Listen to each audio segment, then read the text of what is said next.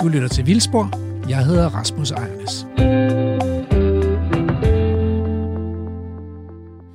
For nogle år siden, der købte den Danske Naturfond et stort område op i Hammerbakker af Hedeselskabet. Og øh, så blev jeg inviteret op øh, som, som en af flere rådgivere på sådan en ekskursion, workshop-agtig, hvor vi gik rundt i området og talte om, hvordan kunne naturen blive helt fantastisk fed. Ja. Og- så havde, det var i 2018 eller sådan noget, tror jeg. Øh, så jeg havde glemt alt om det der. Og så, Altså, du har glemt, du var deroppe? Ja. Okay. og så pludselig her i 2022, så skriver der så Fie Ambo, og så siger, øh, minder mig om, at hun var med for at lave en film, og nu er filmen færdig, og jeg håber, hun håber, jeg bliver glad for de klip, der er med, med mig i filmen. Okay. Så, øh, øh, nej, okay, så det nødt til at lige spole lidt tilbage. Så du har været oppe og, og, og være øh, ekspert, eller ja. udtale om nogle ting. Ja. Du har simpelthen glemt, der var et filmhold med. Ja, og det er jo det, et, et godt filmhold kan. De kan Ja, simpelthen ja. gå og luske rundt i baggrunden, så når man helt glemmer deres eksistens. Ikke? Ja. Og så opfører man sig fuldstændig naturligt. Og det, øh, Og så fanger de noget. Det, så fanger bordet på et eller andet tidspunkt. Så fanger de alligevel noget, ikke? De fanger dig. Jeg husker tydeligt den scene, at du bare braser igennem et eller andet buskads og råber, nu starter vi. Ja, så er vi i gang. Ja. du er gået i gang med rewildingen uden de andre. Ja, det, Men du skal måske lige fortælle, hvem Fie Ambo er. ja Fie Ambo, hun er filminstruktør og øh, dokumentarist. Ja. Så, så det er ikke sådan en klassisk spillefilm med, med handlinger, hvor øh, skuespillerne, eller hvad det, personerne myrder hinanden og sådan noget. Det, det er sådan en dokumentarfilm. Det var godt, Og- du fik opridset, hvad en dokumentarfilm er, hvis folk... Sorry. Nå, men... Ah, for. Undskyld. Men denne her, altså tidligere har hun lavet en film om blandt andet øh, filmen Så meget godt i vente, om en øh, biodynamisk øh, kvægavler i Nordsjælland. Øh, og nu har hun, tænkt hun, at den, det der mennesket og menneskets naturforhold, det var hun ikke færdig med. Men den her gang skulle det handle om vores forsøg på at lave vildere natur. Mm. Og hun har så lavet en film, der hedder Organiseret Vildskab, Ja. med, øh, som handler om forsøget på at slippe naturen fri i Hammerbakker. Ja. Vi har været inde og se filmen, men det kommer vi tilbage til i anden time. Ja, det, det er virkelig et, et, et tæt pakket program, det her. Vi kommer vidt omkring. Vi har været i Øst for Paradis og se filmen. Og der har også været noget debat efter filmen og sådan noget. Der er alt muligt godt i vente i det her program. Og det var elegant. Ja. Så meget godt i vente. Mm. Men her i første time bliver det også godt. Der skal vi på reportage, og vi skal på en lang reportage. Ja. Til Hammerbakker. Yes. Det er Emma, der er taget ud i Hammerbakker med mikrofonen. Og så har hun fundet, øh, øh, hun har fundet Svend Klitgaard Lassen, som er op for Aalborg Kommune og projektleder. Øh, og så har hun fundet øh, Flemming Helsing. Sommerfuglevand Flemming Helsing, som vi har haft med her tidligere i, i programmet. Og som jo begge er, er med i filmen også. Ikke? Det er det nemlig. Ja. Og så møder hun også Helle Flov, som øh, er en del af et landmandspar, som passer de her dyr Ja. derude. Som, Øh, som også er med i filmen. Jeg ved ikke, hvorfor også er jeg med i filmen. Ja. Det er både de alle tre geder med. Ja. og øh, heste og kvæg. Og Emma er altså rundt for at se, hvordan Hammerbakker ser ud i dag. Og høre lidt om tankerne bagved, og hvad de konkret har gjort for at gøre det til vildere natur. Så spørgsmålet er, om vi ikke bare skal komme afsted, og så, øh, altså vi vender lige tilbage i slutningen af time 1, for Mm. lige at minde lytterne om, altså der er nogle nyheder nu, og så er vi altså klar igen i time 2. Men nu er der altså, skal vi til Hammerbakker. God tur. Mit navn er Emma Holtet, og lige nu er du på reportage i Vildspor på Radio 4. Jamen, øh, nu er vi kørt ud her i Hammer Bakker, og vi står og kigger på øh, nogle fine heste, som jeg tænker, vi skal snakke meget, meget mere om lige om, om lidt. Men øh, lige her til en start, altså øh, vi er kørt afsted med projektleder Svend Klitgaard Lassen og øh, Flemming Helsing og Helle Flov Sørensen. Og øh, dem skal vi lige have præsenteret ordentligt øh, med det samme. Flemming, lad os lige starte med dig. Du er uddannet skov- og landskabsingeniør, og øh, så arbejder du altså også på rewilding-projektet her i Hammerbakker. Vil du ikke sætte et på på, hvad det er, du laver? Jo, altså til dagligt så arbejder jeg i kommunen, hvor jeg er teamleder i planlægning af natur, og jeg er så koblet på det her projekt også. Og øh, jeg har været meget inde i planlægningsdelen, øh, før vi gik i gang med at udføre de praktiske tiltag.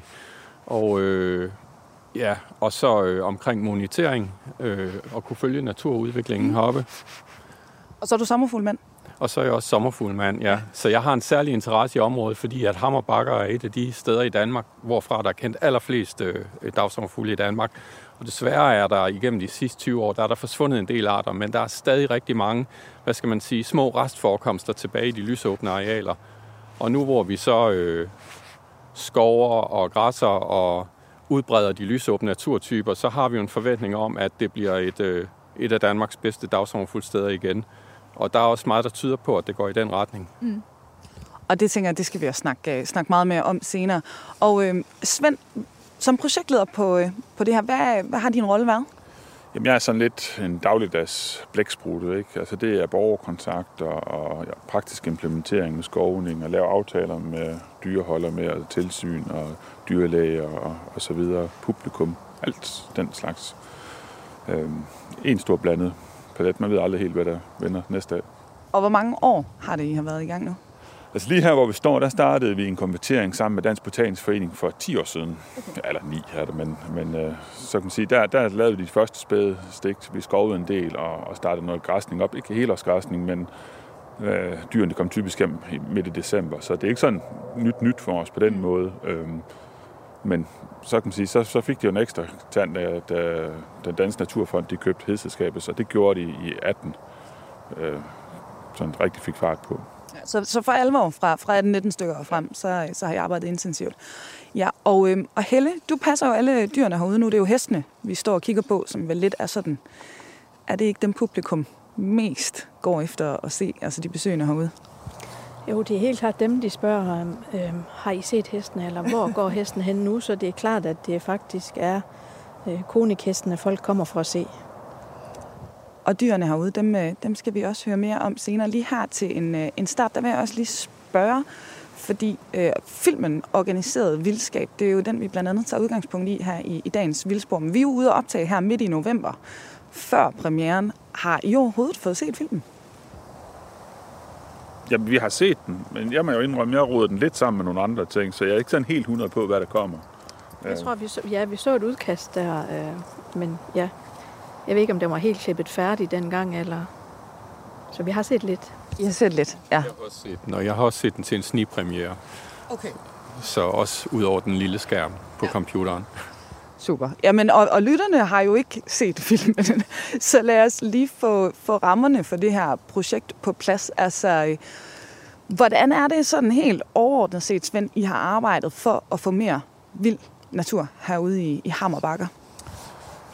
Altså, som Flemming var inde på, så har vi en naturplan, øh, som, som udstikker, hvordan om vi skal konvertere og, og styre græsningen. Så har vi en friluftsplan i forhold til friluftsliv, og ovenover det har vi faktisk en helhedsplan, som ligesom har de overordnede rammer, hvor, hvor man gerne vil have det mest øh, publikum, trafik mm. og den slags. Og så har der været gennemført en del borgermøder, store møder, øh, samrådsmøder i oplandsbyerne, og så nabomøder. Øh, og ellers så er det sådan set øh, skovning og den slags, det kører udført helt traditionelt. Altså det har været hugstmoden bevoksninger, som er blevet skåret helt traditionelt. Så man siger, efterbehandling er ikke traditionelt. Altså der har vi brændt noget, og vi har taget og hævet, hvad skal man sige, det delvist omsatte plantemateriale, som ligger tilbage, det har vi taget væk nogle steder. Det håber jeg også, at vi lige kan nå at komme over og se noget af det. Men her, hvor vi står nu, det blev konverteret for 10 år siden med, med Dansk Botanisk Forening. Så der har vi jo taget nogle erfaringer med øh, fra. Så. Og hvor stort et område er det, der er hegnet ind, og hvor der går dyr og græsser og, og så videre på nu? Hvor meget er det samlet set? Altså det, vi kan se nu her, her hvor vi står, der er jo så hestekøer og geder, ikke? og der er der et samlet hegn på 320 hektar det svarer lidt til Livø eller sådan. Ja. Så vi er meget ude på Mols laboratoriet. En, en tre gange ja. størrelsen på, på det areal eller sådan noget. Ja, ja. Og Helle, hvor mange dyr, og hvilke dyr er det så, der går rundt herude? Altså, der er, lige nu er der 11 konik-heste, og så er der 17 geder, og så er der 27 stykker kvæg. Det er store og små, sådan blandet sammen. Skal vi gå lidt tættere på hestene? Det kan vi godt. Ja. Men det må man faktisk ikke så godt. Heller ikke nu her, hvor der er hegnet imellem. Jo, hvad, hvad er reglerne for det? Det er rigtigt, men normalvis så skal man holde 25 øh, meters afstand til ja. dyrene. Og hvor længe, hvornår var det, I satte hesten ud? Altså, hvor, hvor længe er det præcis, de har gået herude nu? Er det to år? Ja. Det kan jeg ikke huske. Ja. Jeg tror, det er to år. To år cirka, ja. ja. Som man jo så altså også ser i filmen, ikke? Hvor det er vel de første, der bliver sat ud i, i optagelsen der, man ser. Ja. ja. Så vi skal jo i, så i virkeligheden holde lidt, øh, lidt afstand, selvom der er, er hegn imellem her. Altså, de er vant til, at folk går forbi på stierne og på Ja. vejene. Og Helle, de her heste, hvor er de, øh, hvor er de kommet fra? Og nu siger du Koni, kan du ikke lige forklare, hvad det er for nogen til lytterne, der ikke ved, ved, øh, ved Altså, det? konik, det er jo sådan en, øh, en hårdfør race, som kommer fra den østeuropæiske race. Og de er sådan øh, ligesom, altså de er konstrueret til at, at få en rigtig god tyk vinterpels og, og er nøjsomme. De er gode til at, at gå rundt på arealet og finde deres føde selv.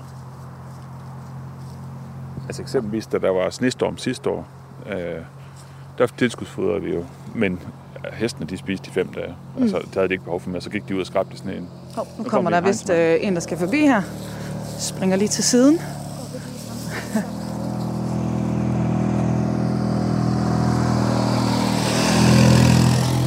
Okay, det, det tog hestene meget stille og roligt, var. Jamen altså, de er jo vant til mountainbiker og stavgænger Ja. ja. og hundelufter og alt. øh, Så øh, altså, de er ekstremt rolige. Lige i starten havde vi lidt udfordring med dem, fordi det var en meget jævnaldrende flok, to års hopper, så vi har fået fire mere ned fra Bøtø. Mm. Sådan at, øh, ja, der er lidt mere flokstruktur på dem. Ja. Og jeg blev lidt overrasket. Nu sad vi i, i bilen. I hentede mig hen ved, ved Aalborg station, da vi skulle her, herud. Øh, og hvor I sagde, at folk faktisk rider inde i området. Og der tænkte jeg som, som gammel rytter, hold op, hvordan tager de det? Men det er så også, fordi der altså ikke går hængste. Det er alle sammen hopper, det, øh, det I har herude. øh. Ja. Ja. Altså i planen, der har vi 10 år til at, ligesom at finstille maskineriet og skove og, og lave ting og sager og blive klogere på det. Og så laver vi en gradvis implementering. Mm. Og, og indtil videre, så, så kører vi med hopper. Vi ved faktisk ikke, om, om- de sidste, vi fik ind, om de er med følge. Øhm, det, det kunne man jo håbe, og det kunne være sjovt. Mm. Men øhm, ja, nu kommer han igen. Der skal sættes skilte op, eller hvad var det, der er Det er gang? vandreruter, der lige bliver er omjusteret. Ja. Men altså det her med, at der for eksempel ikke er, er hængsne, altså hvad med sådan noget som, hvis de skal gå og have et frit og fedt liv, er det så ikke en del af det, det der med at få lov til at parre sig og have yngel og yngelpleje og sådan noget? Jo, jamen det er helt sikkert, og det er jo et af de der helt store øh, issue i det her projekt, det er jo hele tiden den der balance mellem, hvad skal man sige, de forskellige fraktioner, der er i, i, i altså enten inden for hardcore naturgenopretning, men i og for sig også inden for friluftsliv, ikke? Og der bevæger vi os i sådan et, et felt midt i det hele.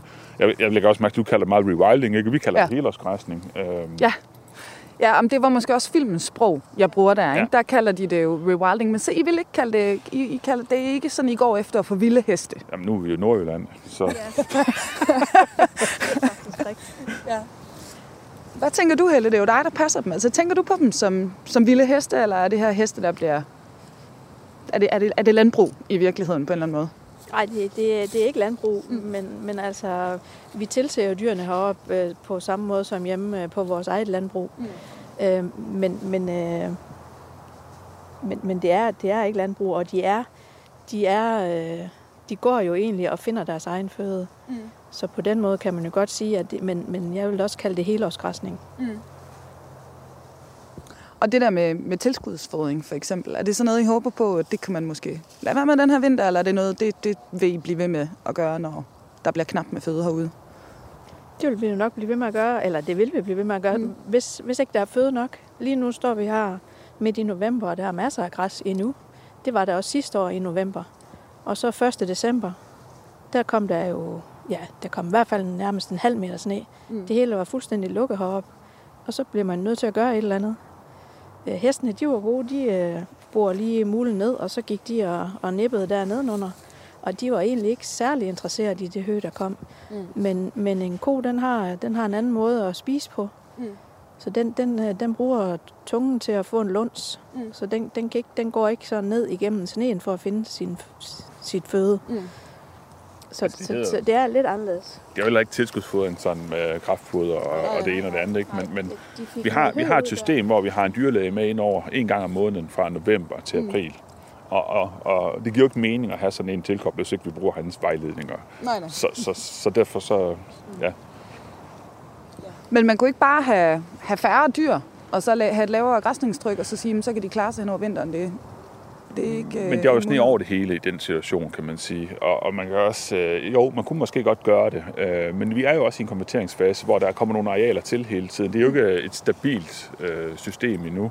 Øh, man kan sige, heden og, og de græsningsarealer, de har været der i lang tid, men der kommer nogle andre arealer til, hvor der måske er en højere tilgroning i løbet af sommerhalvåret, end, end man ellers ser. Øh, jeg tror ikke, vi er helt så... I, hvis jeg, vi har helårsgræsning fire andre steder, nej, tre andre steder, mm. og jeg synes heroppe, der, der er der en, på en eller anden måde en bedre balance, fordi at der går flere arter ind i området. Øh, altså tilgroningsproblematikken er ikke så stor, øh, som den er. Det, det, er. det synes jeg er noget af det sjoveste i projektet. Det er sådan set at se, hvordan at de forskellige grupper, de æder noget forskelligt. Mm. Øh, jeg ved ikke, om vi når at komme hen til geder, men det er altså ret vildt, hvad de kan omsætte. Det håber jeg, at vi gør. Hvor, øh, hvor går de henne i, i forhold til, til, hvor vi er nu så? De er um, 500-700 meter i den retning. Ja, det er jo et stort område, vi må se, hvor meget vi når at se i dag. Ja. Men altså, så øh, generelt så har der faktisk, lyder det ikke som om, været nogle sådan store dramaer i forhold til de altså brugerne af, arealerne. Der bliver reddet herude, der bliver mountainbiket, altså der har ikke været noget med, med hestene og køerne og de andre dyr sådan rigtigt. Ej, det, det ville jo være forkert at sige. Altså, det, vi har jo brugt rigtig meget tid og energi på det, ikke? Altså, mm. Der har også været søgt aktindsigt om, om vi behandler tingene ordentligt okay. og så videre. Altså, men der bliver lavet et mega stort forarbejde, og Helle kører rundt i den, nu så du hendes vogn, som er jo sådan Ja. lidt en speciel, øh, jeg ved ikke, hvad hedder den? Det hedder en gator. Og det er sådan ligesom, øh, det er ligesom sådan en firehjulet ATV, hvor der er bygget et førerhus og et lille lad på. Sådan at jeg lige kan holde varmen, når jeg kører rundt og, og kigger efter dyrene om vinteren i hvert fald. Hvor svært er det at finde dem? Altså, nogle dage, så kan det faktisk godt være lidt svært, men der er ikke ret mange dage, hvor ikke jeg ser dem på min, øh, min rute rundt. Og så har jeg faktisk rigtig mange øh, af dem, der bruger området heroppe, som er vildt fascineret af, hvad er det, de gør, de dyr, og hvor er det, de går hen. Så, de, så sender de lige en sms. Nu går de hernede ved den gamle avlsgård og sender et billede af, nu går gederne her. Og, så, så de er faktisk, øh, de hjælper mig ind imellem, så er jeg måske fri for lige at tage den lange tur omkring. Det er da dejligt. Ja, det er rigtig dejligt. Det er også altså, at, at det er brugerne heroppe, at de faktisk er så glade for det. Mit navn er Emma Holtet, og lige nu er du på reportage i Vildspor på Radio 4. Og i dag er vi ude for at blive klogere på, hvordan der arbejdes for mere vild natur i Hammer Bakker. Helle, dig og din mand, der også øh, holder opsyn med, med dyrene, I har arbejdet med økologisk landbrug før. Så det her med sådan et her projekt, og hvor der pludselig er kæmpe areal og masser af dyr, og også forskellige slags dyr at gå og holde øje med. Hvordan har I oplevet det? Altså, hvordan har det været? Jamen, Vi har jo begge to synes, at det er utrolig spændende at være med i. Øhm, vi bor tæt på, så det er jo det er nemt for os lige at smutte herop, fordi normalvis så kører jeg, det er lidt, forske- det er lidt forskelligt, når jeg kører min runde, men man kan, jeg kan jo godt have været heroppe øh, om formiddagen, og så, øh, så ringer der en borger, nu, øh, nu sidder der en, øh, nu er der en ged, der har hornet fast op i et eller andet, og så, øh, ja, men så styrter jeg så hjem fra, hvor jeg nu er, og så heroppe og, og hjælper. Så der kan jo hurtigt opstå et eller andet. Men, men altså, ud over det, så er det jo ikke ret meget anderledes, end det, vi gør ved vores eget landbrug. Vi, øh, vi observerer dyrene, og vi ser, at det, har de det godt, og er drikkekopperne, er der en, der har lagt en kage deroppe i, eller øh, og har de mineraler, og ja, har de en normal adfærd, og har de en, en normal udstråling, og følger de med, og hvis der ligger en tilbage, og de andre rejser sig og går, så, så skal man jo være ekstra opmærksom. Mm. Så det er altså et, et, et komplekst arbejde, og så øh, har I altså et par dyrlæger også, som jeg forstod det, øh, som, øh, som kommer og hjælper med at, at holde opsyn. Der er en dyrlæge tilknyttet, som jeg altid kan ringe til, hvis jeg har spørgsmål eller er i tvivl om noget. Mm. Og så er han med en gang om måneden fra oktober cirka, og så til marts-april. Mm. Og, og det er egentlig rart at have ham med. Fordi så er man ikke, så, så, så er man ikke i tvivl om, at jamen, det er, de har det godt, og det går godt. Og nu vi står jo netop og kigger på, på hegnet, hvor, hvor hestene de, de går bag. Det her med, med hegn, det er jo ikke noget, der er unormalt, kan man sige, i, i Danmark, at der er hegn rundt omkring. Men var det det herude? Altså, eller, eller var det her med hegnet noget nyt, som lokal øh, befolkning også skulle, skulle forholde sig til? Altså det, lige det her, vi står ved, det er faktisk et gammelt hegn, der er udskiftet. Det var hegnet øh, for mange år siden og har, har været græs i, i rigtig mange år. Men inden for området, der, jeg tror, vi græsset var det 80 hektar cirka førhen, og øh, det var hegnet med 8 km hegn. Mm. Nu har vi hegnet 320 hektar med 12 km hegn. Mm. Så man kan næsten regne ud, at når du går ind i hegn, så møder du ikke nær så mange hegn og, og så videre længere. Øh, jeg troede, da vi satte hegnet, at hvis man knuste en linje og satte hegnet sådan, man kunne gå udenfor og indenfor, at det ville virkelig være en smart løsning. Man kunne lave en ridebane udenfor og, og så videre. Men øh, det vil øh, naboen faktisk ikke være med til. Altså, de vil gerne have hegnet så tæt på skæld som muligt, sådan at publikum er inde i hegnet. Okay, så I ville have lavet en eller anden form for bufferzone i virkeligheden, ja, det, hvis man det, kan kalde det det, ligesom i, i ja, nationalparker rundt omkring? Det var faktisk uh, tanken ja. uh, til at starte ud med, men uh, der må vi have hensyn til naboen, så lade være med at gøre det. Og jeg vil så sige, efterfølgende er jeg glad for, at vi ikke gjorde det, fordi det fungerer super godt. Ikke? Altså, jeg tog ikke billede af det i går, men, men forleden, jeg kom kørende, eller i går, jeg kom kørende, der stod der en, en, en en lidt kraftig motionist og tog en hvil op af en ko. Det, synes jeg, det var simpelthen kanon billede, ikke? Altså, lige kløet dem bag øret. Det har jeg, altså, det efter heller aldrig set før, men jeg tror også kun, det er i Nordjylland, det sker, men, men altså, vi, vi, der, folk er ikke helt så bange for, for dyrene, mm. som, som måske andre steder. Ja. Nå, det, det er godt. Flemming, i forhold til, nu snakkede du om, at der jo var nogle arter, der i hvert fald har været her før, der er potentiale for, at de kan komme igen og gøre, at det her område, det sådan er er særlig interessant i forhold til at dyrke noget, noget mere vildskab herude. Ja. Øh, men generelt set, hvad er det for et, et område, Hammer Bakker? Altså hvorfor ser det ud, som det gør, og hvad er det, der egentlig gør det sådan naturmæssigt, Jamen, at det har altså, potentiale? Hammer Bakker øh, er jo et bakket landskab, der ligger på hævet havbund, og det har, det har også ligget her som en ø øh, i ishavet under stenalderen, Øh, så det er nogle meget udvaskede og sandede jorder. Mm. Og det gør jo, at, øh, at vi har mange blomstrende urter og, øh, og hede. Øh, så det er et næringsfattigt og, og blomsterrigt område i afsættet. Og nu spurgte du før, hvor meget øh, har været øh, øh, græsset før, og det har jo i virkeligheden øh, de gamle heder og overdrevsarealer, der ligger herinde. Som er det, vi står ved her ja, som er lige det, nu. vi står ved lige nu. Og de har i realiteten jo været græsset i flere hundrede år. Det er derfor, de stadig er lysåbne. Men det, der ikke har været græsset før, det er alt det øh, 0 plantage, som man begyndte at plante heroppe i, i sidst i 1800-tallet. Mm. Ellers så har det egentlig ligget som et kæmpe heder- og overdrevslandskab. Og det er også derfor, der er de her meget specielle arter, altså sjældne arter, især af altså dagsommerfugle, som er meget glade for lysåbne naturtyper. Øh, og øh, det, der så bare er ved det nu, det er, at øh, de her lysåbne øh, naturtyper, de er efterhånden blevet så små, og, og det gør, at så begynder arterne at forsvinde, mm. øh, fordi de bliver meget sårbare. Men vi har stadig restforekomster af pænt mange, øh, også sjældne dagsommerfugle. Øh, og det er jo i hvert fald nogle af dem, der får glæde af, at, øh, at vi nu udbreder de her lysåbne naturtyper. Ja. Øh, men det er ikke kun dagsommerfugle, der er jo også øh, øh, for, altså en rig insektfauna heroppe i, i øvrigt, men mm. den er sådan relativt dårligt undersøgt. Ja. Øh, bilerne er blevet undersøgt sådan tilbage i 1930'erne, og, sådan, og der er også fundet nogle øh, specielle arter. Og der er fundet nogle, øh, den græshoppe, der hedder hedeskrætte, som også er, er uddød i Danmark endnu. Mm. Altså, Øh, der, men, men sådan i nyere tid er det mest dagsommerfugle, der er blevet kigget på hoppe. Mm. Ja, altså nu, vi skal jo lige om lidt køre og hen. Og fugle. ja. ja. Og vi skal jo lige om lidt køre hen og, og kigge på nogle af de tiltag, I så har lavet, og hvad der er sket, altså så øh, siden øh, I gik i gang der i, i 18-19 stykker. Men sådan, i forhold til at have en baseline for at, at måle, altså hvordan udviklede det sig så egentlig, hvor, hvor, hvor meget havde I af det, altså inden I, I gik i gang? Øh, der har været foretaget sådan Novana-overvågning heroppe øh, på lysåbne naturtyper, og Novana-overvågning, det vil sige, det er sådan det nationale naturovervågningsprogram af, af nogle særlige EU-beskyttede naturtyper. Mm. Øhm, men ellers så øh, har vi har ikke haft sådan et målrettet hammer overvågningsprogram, øh, men det har vi altså sådan set fået sådan helt basalt, hvor vi kigger på, øh, på planter, hvordan udvikler plantesamfundet sig, og så kigger vi på dagsommerfugle og på øh, møgbiller.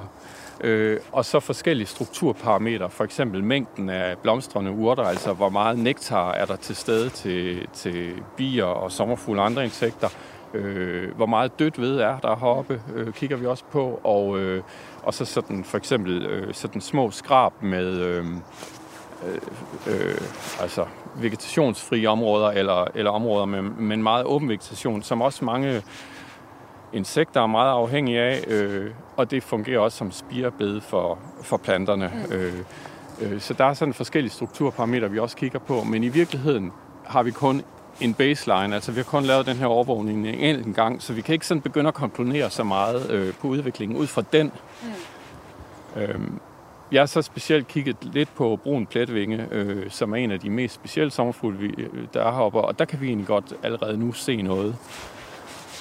Og det vi kan se, det er, at individhyppigheden den er steget voldsomt, altså øh, mange hundrede procent. Okay. Øh, øh, og så er den begyndt at sprede sig i området. Og det, at den spreder sig i området, det er dels fordi der er mange, så søger de lidt ud, men det er i høj grad også fordi, vi har fjernet nogle af de her spredningsbarriere, altså de, de tætte, mørke sitkagranplantager, som før har gjort, at den ikke har kunne Mm. Altså, den har været fængslet inde ja. i nogle små arealer. Ikke? De, de er nu væk, og, og, så, og det kvitterer den meget hurtigt på. Ja. Øh, men det er sådan set den eneste art, vi sådan har fulgt lidt tæt. Ja. Øh. Men, men så allerede nu, der kan I se, at den har simpelthen fået nogle bedre betingelser, og, den har og det har givet pote. langt bedre betingelser, ja. og med den øh, må vi så formode, at det er der også meget andet, der har. Men, men det vil nok være sådan lidt... Øh, og Stramten må begynde at udtale sig for meget om det, fordi vi har ikke data på det. Ja. Men altså, skal vi køre hen og kigge på nogle af de steder, hvor øh, det er gået fra, fra tæt nåleskov og så til, til noget helt andet i dag? Det kan jeg godt. Ja, lad os gøre det. Du lytter til Radio 4. Ja, de har godt nok været dygtige til at skralde bare, må ja. Ja, det har de altså. Og hvor mange geder var det, der, der har gjort det der? har sagt. 17 geder. 17 geder om det. Ja, det var da imponerende arbejdsindsats faktisk.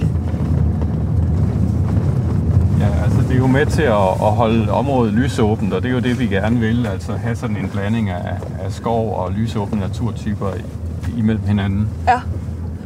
Og er der nogen altså... Nu... Uden, at, uden at vi har sådan et meget endegyldigt mål, så, så kan man sige, jo mere variation, des, des rigere natur får ja. vi heroppe. Og det, og det er jo sådan noget, biologer de siger. Og så er der folk, der bruger skoven og er glade for træerne og sådan noget. Vi så jo også i, i, i filmen øh, organiseret videnskab, ikke? Altså, der er jo også nogen, der siger, at træerne er også levende. De har jo også nogle rettigheder. Er der nogen af de besøgende, som sådan, når de ser for eksempel, at gederne har, har gået afbakket og sådan noget, som ligesom klager eller brokker sig, eller, eller kan de ligesom godt forstå de der mekanismer? Altså? Vi, vi har ikke fået sådan, eller jeg har ikke fået øh, reaktioner på gederne, men altså Nej. i forhold til skovningen har vi. Ja. Ikke? Altså det er jo, det, det gælder nu nærmest stort set, uanset hvor, hvad for projekt det er. Hvis man starter en, en skovningsmaskine op, så får man en reaktion på det. Men, men alle de bevoksninger, vi har skovet, har været anlagt og passet og plejet til tømmerproduktion. Så øh, vi ville egentlig gerne have lavet mere stå tilbage derinde i. Mm. Men fordi at de egentlig har været passet så forsligt godt, så, ja, så, så kunne man ikke lade mere stå tilbage. Ikke? Altså, så var de, deres tid var ligesom kommet. Mm. Øh, vi har jo ikke i projektet som sådan, at, at der ikke må vokse rødgræn og så videre, det, det, og skovfyr og så videre. Der må gerne vokse de europæiske arter, øh, almindelige ædelgræn også, lærk. Vi skal bare have dem væk fra den her plantagestruktur. Mm. Mit navn er Emma Holtet, og lige nu er du på reportage i Vildspor på Radio 4. Ja, og øh, nu er vi kørt videre herude i, i Hammer Bakker, og øh, jeg er stadig ude sammen med øh, Svend og Flemming og Helle, og vi går og, øh, og kigger på øh, nu et helt andet landskab, end der, hvor vi stod før med, med gamle hede og øh, noget, der havde været græsset i en, hvad var det, I sagde, 300-400 år, ikke? Ja. Nu står vi altså, der er stadigvæk masser af nåletræer tilbage, men der er også rigtig meget åbent, hvor der altså er blevet fældet. Og Svend, vil du ikke lige nu var, øh, du er i gang med at forklare, hvad I sådan rent teknisk har, har gjort i det her område. Altså, hvad er det, der er sket, vi står og kigger på? Jeg er, jeg er ret sikker på, at den her skovning er med i filmen. Uh, det er primært uh, nogle amerikanske træarter, også europæiske, som er blevet skåret her. Uh, hugst mod bevoksning. anlagt i 60'erne. Øh, skovet helt traditionelt. Øh, langtømmer, der er blevet solgt til tømmerproduktion og til husbyggeri osv. Øh, og de allerstørste er til øh, skåret finere og så videre. Efterfølgende har vi grænknust arealer, det vil sige, at man kører ind over med en maskine med sådan en stor valset trummel, som knuser både stube og grenaffald og så videre, sådan at det bliver sådan en mærkelig øh, ty- tyk bunke af delvist omsat. Og den har, vi- den har vi hævet af med en, det, der hedder lynghøster. Så når du går her, så vil du opleve, at jorden er ligesom hård. Mm. Og det er fordi sandet, det ligger helt op under. Og hvis vi går ud over fladen, så er det ved med, at vi finder masser af lyng og så videre, der på vej. Jamen, skal vi, skal vi gå lidt og, og kigge på det? Øhm, og, øh, og til, til lytterne, der, der eventuelt er kommet til undervejs her i dagens program, så, øh, så kan jeg lige sige, at øh, Svend og øh, Flemming, de arbejder på, på projektet herude med at gøre det til et vildere område, og øh, sidder hos Aalborg Kommune. Og Helle, hun, øh, hun passer og holder opsyn med, med dyrene ude i, i området. Og altså, når man går og kigger på det her, det kan jo godt se lidt voldsomt ud, ikke? Altså, apropos, hvad folk sådan har, har haft af, af reaktioner på det. Øh, altså, der, der kunne man da godt komme ud og kigge og sige, men var det ikke, var det ikke bedre før? Var det ikke pænere før? Men, øh, men der har så været så god en dialog på en eller anden måde, lyder det på jer, som om, at det, der er ved at komme en forståelse i området for, for de her tiltag, og, og hvad der er, der sker. Så når vi har skovet, og øh, i, i, og sig, uanset hvad for tiltag vi har lavet, så har vi puttet lidt i avisen, og, og vi har sat nogle små mailerskilte op, og ligesom er en lokal formidling. Her er også lyng, der spiger frem. i stor stil. Altså, ja, det er også. Altså sådan, at der er folk, de ved, hvad, hvad det er, der sker. Mm. Og øh, lige præcis den vej, vi går her, øh, den har jo altid været åben. Offentligheden må gå her. Men det har ikke været særligt benyttet. Nu er det jo hovedtransportåren. Altså folk synes, det er vildt spændende at se, hvad sker der egentlig hernede. Og på ret kort tid, der gennemgår du nogle ret store forskelligheder. Du kommer igennem noget gammel bøgeskov, du ser den pebermosen, du kommer til her store afdrifter, der kommer ud til den gamle hede. Ja, er det, jeg vil mene, at på, på de sidste tre år, der er det blevet en hovedfærdselsår. Okay. Ja. Det, men det, der sy- synes jeg, der er så spændende her, det er, at det er jo ikke kun træerne, der er, altså nåletræerne, der, der har været dyrket, som er blevet fjernet. Det er også det tykke lag af uomsatte nåle, der er skrabet væk. Mm. Og de der nåletræsnåle, der har ligget i et øh, 5-20 meter ty- tykt lag hen over jorden, mm. de virker forsurende, så jorden bliver udvasket. Og øh, vi har lige fået lavet nogle jordprøver heroppe, og de viser faktisk, øh, at pH den er, den er helt nede på under 4 mange steder, hvor der tidligere har været plantage. Og det er altså meget surt. Og derfor er det vigtigt at få førnen af. Øh, og, og vi kan jo så netop se, at øh, selvom det har lignet en stor sandkasse, så er det nu temmelig grønt. Mm. Øh, og der kommer også ret mange øh, fine planter op imellem. Øh, lyng har vi jo set. Øh, så er der noget ærenpris. Øh, Langsætvej bred. Øh, og masser af rødknæ. Øh, og noget syre. Øh, og det er så, altså syren, den er så værtsplante for violetrandet ildfugl, som er en meget, meget smuk dagsommerfugl, der findes heroppe i Hammer Bakker. Så den bliver formentlig ret almindelig herude på arealet mm. øh, ganske hurtigt. Det håber vi. Så, så Det er snydt. Altså, vi har jo ikke kun hævet af. Nej. Vi, vi har også taget et høslet på, på nogle arealer med meget øh, mange fine nektarplanter, som vi simpelthen har kørt ud over. Øh, det er ikke med i filmen. Øh, det, det er lavet efterfølgende. okay, så I har simpelthen sået også... Øh, Ikke sået. Det er øh, i en møgspreder, og så bare pft, ud over, øh, hvor den kunne komme til. Vi har flyttet lidt på, på planterne heroppe i ja. området, men vi har ikke sådan øh, kørt en frøblanding ud over. ej, okay. Ja. Og hvis Ja. du så kigger over på den anden side af vejen, der, der har vi også prøvet at skrabe af og så videre, og så har vi lavet en del øh, grovknastede graner stå øh, i håb om, at de ad over ville vælte. Øh, men lige da vi var færdige med det, så kom den der storm Malik, og så røg hele Mulchaus ned, og nu ligger det i sådan et Mikado-spil. Det ser ret fedt ud, når man ser det for oven. Derinde imellem har vi faktisk også nogle brændingsflader, som vi brændte inden det væltede. Det bliver også sådan lidt sjovt at se, hvor, om, hvor, hvor stor forskel det egentlig giver øh, på arealerne.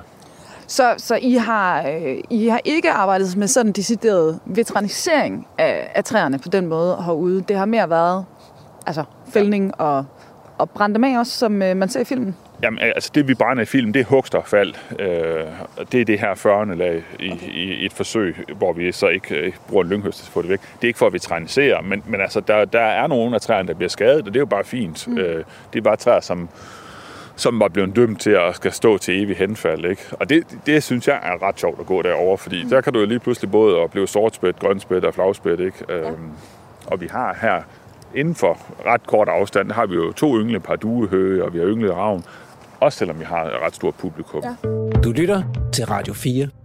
I forhold til det, altså fordi nu, øh, jeg, må, jeg må indrømme, det eneste, jeg kendte til Hammer Bakker, øh, inden, det var også motionsløb. Der har nogle ultraløb og sådan noget, jeg har, øh, har holdt øje med, der, der er herude. Og man kan også se i, øh, i filmen Organiseret Vildskab, ikke? Altså, der bliver kørt rigtig meget mountainbike, så vidt det, det fremgår af filmen i hvert fald herude også. Hvad med det og naturhensynene? Fordi hvis jeg var en eller anden ynglende havørende par, der måske ville slå mig ned eller et eller andet, altså er I ikke bange for, at, at alle de der brugere jo egentlig ikke er så gode for naturen? Vi har lavet sådan en overordnet zonering øh, med noget stillezoner og aktivitetszone, hvor vi så forsøger at holde de her forskellige arrangementer. Og man kan sige, at den største udfordring der er nok egentlig at undgå brugerbrugere, men de går for meget i klins med hinanden. Altså, øh, men det, der har været en, kørt en fredningssag nogle år for inden, som har taget mange af de her diskussioner og drøftelser. Men, men altså, det, det er da helt klart, at, at det er der, vi bruger nok det meste af krudten, Ikke? Øh, men det er, ikke, det er egentlig ikke så meget frygten for naturen. Altså, det, det er også bare, at, at, at man slider på hinanden. Øh. Men selvfølgelig, vi kan jo ikke, vi kan jo ikke have... Der her, lige her, hvor vi står, der, har, der er faktisk jagt også. Okay. Altså hvis der både skal være mountainbike-løb og jagt og o-løb og så videre, så, så, så giver de jo ekstremt mange forstyrrelser. Det, det bliver vi jo nødt til at tage hensyn til i vores øh, planlægning. Mm. Men det er ikke hele området, der er jagt i. Nej. Men, men ellers altså hammer bakker, det er et, et område, der altid har været anvendt rekreativt af rigtig mange brugere. Øh, og det er ligesom præmissen øh, for at lave et naturprojekt heroppe. Øh, men det lader jo altid jo på, at vi sagtens kan lave virkelig spændende natur, og samtidig have mange brugere i området. Der behøver ikke at være nogen konflikt. Øh, men det er da nok muligt, at netop havøren, den vil måske ikke tænke, at det er det fedeste sted. Øh, men det ved vi jo ikke, altså fordi, som Svend siger, vi har også nogle områder, vi prøver at friholde for alt for meget færdsel, og det vil jo så være sådan nogle steder, mm. den i givet fald vil slå sig ned. Ja. Så altså med, med de brugerhensyn, der så også er, hvad er drømmen sådan om det her? Altså nu ved jeg, at vi kan jo snakke virkelig lange perspektiver, øh, men, øh, men sådan, i den fremtid, I i hvert fald ved, I kan være med til at, at forvalte, eller sådan en overskuelig fremtid for, øh, for kommunen. Hvad er det, I gerne vil, vil have, det bliver til så? Jamen, det er jo ikke særlig tit, man sådan tænker, man kunne bare godt tænke sig at blive gammel ret hurtigt. Ikke? Men det kunne man godt tænke sig, når man går heroppe, så man kunne se det.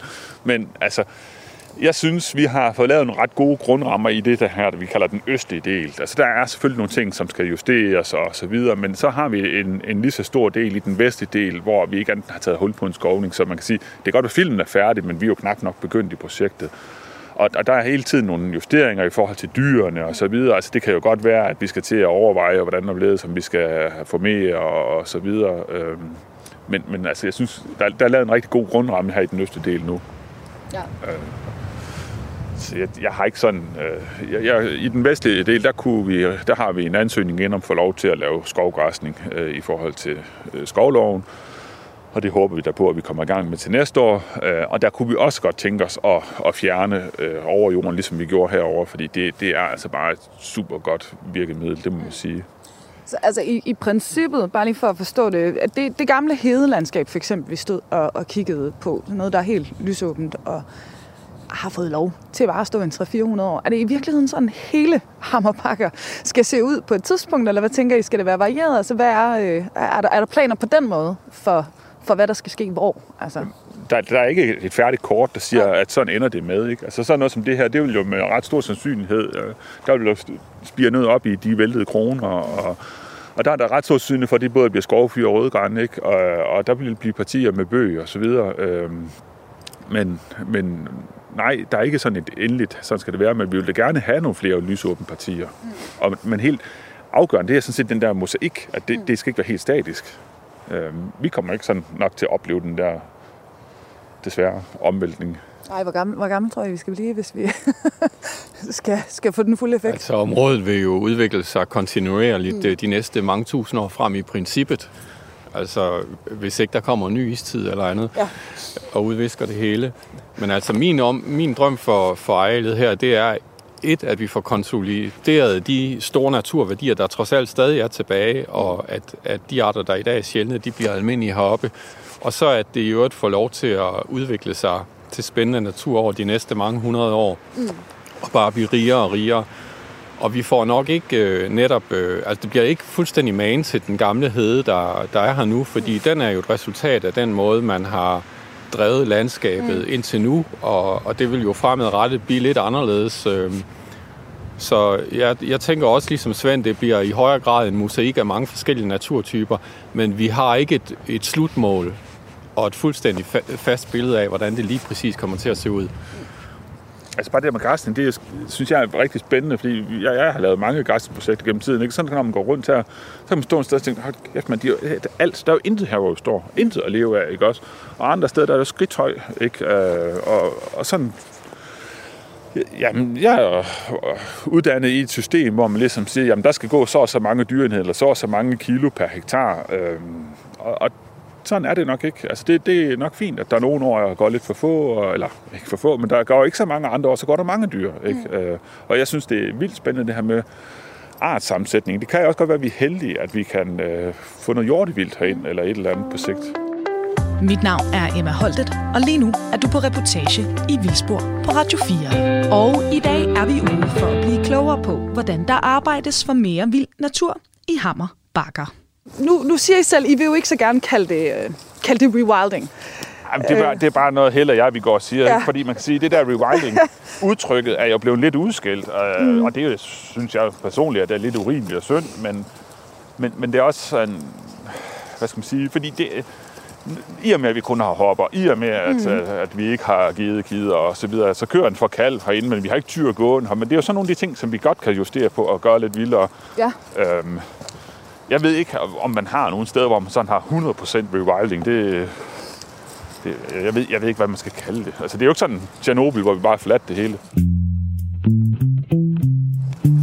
Nu det er måske et ledet spørgsmål, det her. Hvis nu der ikke var alle brugerne, det er jo fuldstændig utænkeligt, det ved jeg godt, men lad os nu forestille os, at det var Palle alene i verden, og de var her ikke længere. Hvad ville man så gøre med det her område? Altså, var der så noget, I tænkte, så, så skulle vi det her, så skulle vi det her, eller hvis Jamen, det, det skulle ved, være det på naturens ikke. præmisser. Altså. Det, ved ikke, det, har, det har jeg sådan set ikke rigtig tænkt på. Altså, og jeg synes faktisk, at det fede det er, at man kan lave et projekt, hvor at der er plads til alle de brugere. Ikke? Mm. Altså 21.000 gennemkørsel på den bane. Det er jo helt vildt.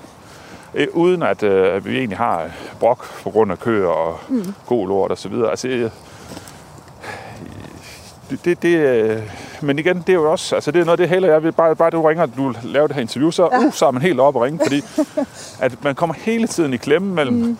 hvad skal man sige, de mest yderliggående øh, på den biologiske del, og de mest yderliggående på friluftsdelen. Ja. Ikke? Ja. Altså, vi har jo folk, som ikke kan gå på stier, enten der ligger stenmel, og omvendt så har vi jo folk, som som, som er i den helt anden grøft på den biologiske del. Og jeg synes, det, det, det der, når jeg kommer op, jeg er sgu stolt af, at det lykkedes os at lande det her, som det er landet.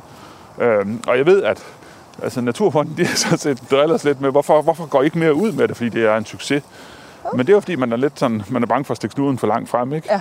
Så I er hele tiden ude i at gå en balancegang og, og overveje det ene hensyn og det andet hensyn? Altså det synes jeg, det er mest, mest altså det, det er vildt opslidende, ikke? Ja. Altså det er det der med, at at uanset næsten hvad du gør, så får du en kritik af det ene eller andet miljø. Ikke? Altså, så hiver du overfladet jorden af. Jamen det er der jo nogen inden for... Jamen, det, synes det er helt forfærdeligt, for så manipulerer du, og du skulle bare have givet det 30 år mere, så er det blevet til noget. Vi laver høstet herover fyre ud over. Jamen det er da også helt forfærdeligt. Men omvendt, vi har jo set det andet tusind gange, mm. ikke? hvor man bare har skåret og så ventet 40-50 år på, at det ikke rigtig er blevet til noget alligevel. Øh, hvis vi ved, det virker, så synes jeg, at vi skal bruge det. Men der repræsenterer jeg måske en, en naturforvalter del, som har måske lidt mere virketrang, synes jeg. Mm. Men det ved jeg ikke. Altså, der Flemming har nødvendigvis ikke den samme holdning, men det, det tror jeg nu, vi er sådan rimelig godt kalibreret. Øh, og det handler også om, at øh, mange af de her helt særlige arter, de hænger med det yderste i neglene, og øh, der synes jeg, det er meget fint, at vi her i en startfase sørger for at lave noget genopretning og, og skaber et solidt øh, grundlag for sådan nogle frie og mere naturlige processer, hvor vi ikke blander os så meget efterfølgende. Det er det, der er hele konceptet i det her. Så det er det der med sådan det organiserede vildskab. Altså, I hjælper det på vej her i starten. Altså, ja, fordi ja. vi går jo et område, der har været kultiveret igennem så mange år, og så vi, vi, øh, vi har en arv, øh, som vi er nødt til at forholde os til. Mm. Øh, vi kan ikke bare lukke øjnene og sige, øh, nu må naturen selv klare det, fordi vi har i den grad tæmmet den. Så, så det er også meget rimeligt, tænker jeg, at vi hjælper den på vej, mm. fordi det jo er natur, vi vil have. ja, ja. Hvad, hvad er det for en... Øh Det En ret hule, vi er kommet til Det er nu? et gravlingkompleks, vi er kommet op Det er til. gravling, Og så ja. kan man så se resterne der, vi brændte her, ikke? Øh, Ja, nogle brandskadede fyrtræer, ikke? Så det, her er der sket en veteranisering. Ja, der kan man se, der er simpelthen blevet brændt af for neden på dem. Ja. Hvis ja. jeg heroppe, mine drenge, de er jo helt vilde med det. Ikke? De synes, det er så fantastisk at kravle rundt deroppe i det der, ikke også? Og jeg synes, det er så dejligt, at der skal ikke 15 cm falde af, og det ene og det andet, ikke også? Altså heroppe må det egentlig godt falde ned og slå sig. Og det, det synes jeg også er noget af det, der er smukt i det her projekt. Mm. Dyrlægen, han sagde det sådan set ret rammende dengang, første gang mødte. Jeg, jeg var også lidt luren ved, hvad er han for en type, ikke? Så siger han så, det bedste ved det her projekt, synes jeg, det er, at vi skal til at lære mennesker at opføre sig sammen med dyr og natur igen. Altså, det, det var den sidste, jeg regnede med, at skulle sige det. Men altså, de her brandskadede træer, nu vil de jo så øh, blive angrebet af, af forskellige flotte træbukke og, og, og barkbiler, og det er så igen mad for spætten. Øh, og på et eller andet tidspunkt falder de sammen, og så kommer der så igen nogle andre organismer, måske nogle smeller og forskellige andre biler. Så øh, de her skader, de sætter gang i, i en lang livsproces. Mm. Vi har også øh, overvejet, om vi i højere grad skulle have brugt veteranisering hist og pist i vores øh, ældre løvskovsbevoksninger. Mm. Øh, og det er heller ikke en tanke, der er fremmed for os, men øh, vi har ikke gjort det endnu. Ja, men der er jo masser at, at fortsætte med, hvis man så vil eksperimentere videre, kan man se, når man står og kigger ud over det. Ikke? Det altså... er det, og, øh, og det, er jo, det er jo en balancegang mellem ikke at blive for meget gartner, og så på den anden side set øh, løfte området mm. øh, tilstrækkeligt. Mm. Øhm, men der er, ja, der er mange muligheder heroppe. Ja.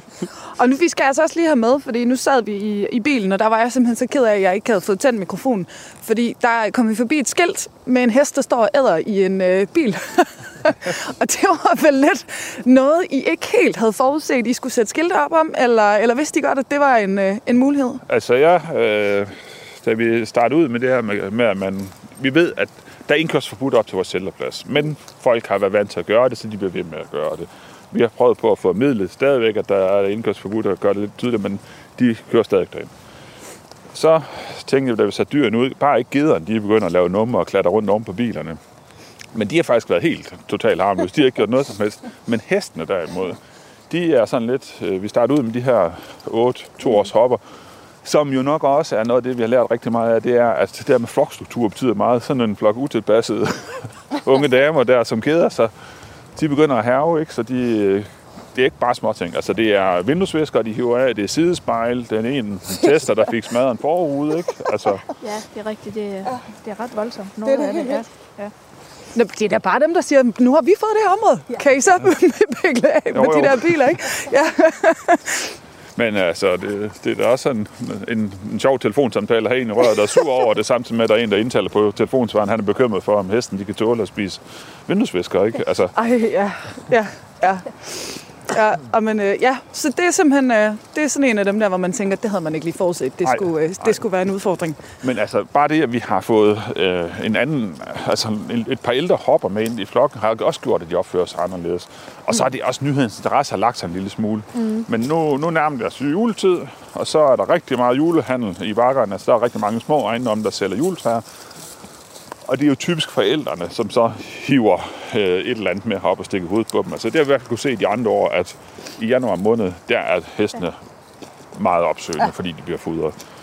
Ja, det, det siger jo også i filmen, altså det her med, at der er faktisk ulovlige fodringer, for jeg går ud fra, at det må man da øh, bestemt ikke vel, altså komme og, og fodre hesten herude. Jamen, der er jo ingen steder, du må fodre folks dyr. Øhm, men, men, men altså, jeg tror ikke, altså problemet er, at det er vildt svært at formidle det ud til, fordi det er jo forældrene, der gør det. Altså, mm. vi stod lige så, det var også dyrlægen og dig og mig, ikke, der stod og kiggede på det. Det var pragtfuldt hestene, de ikke var opsøgende. Mm. Og der var der sådan let lag sne hen over heden, og så kommer der kun en familie med en, øh, en sted, kan du huske det? ja, det er rigtigt. Ja. Lige snart de så ham der en lille fyr i flyverdragt, så løb det hesten derhen, ikke også? Fordi at de vidste, at lige præcis det der segment, de plejer at have noget med. Ja. Du lytter til Radio 4.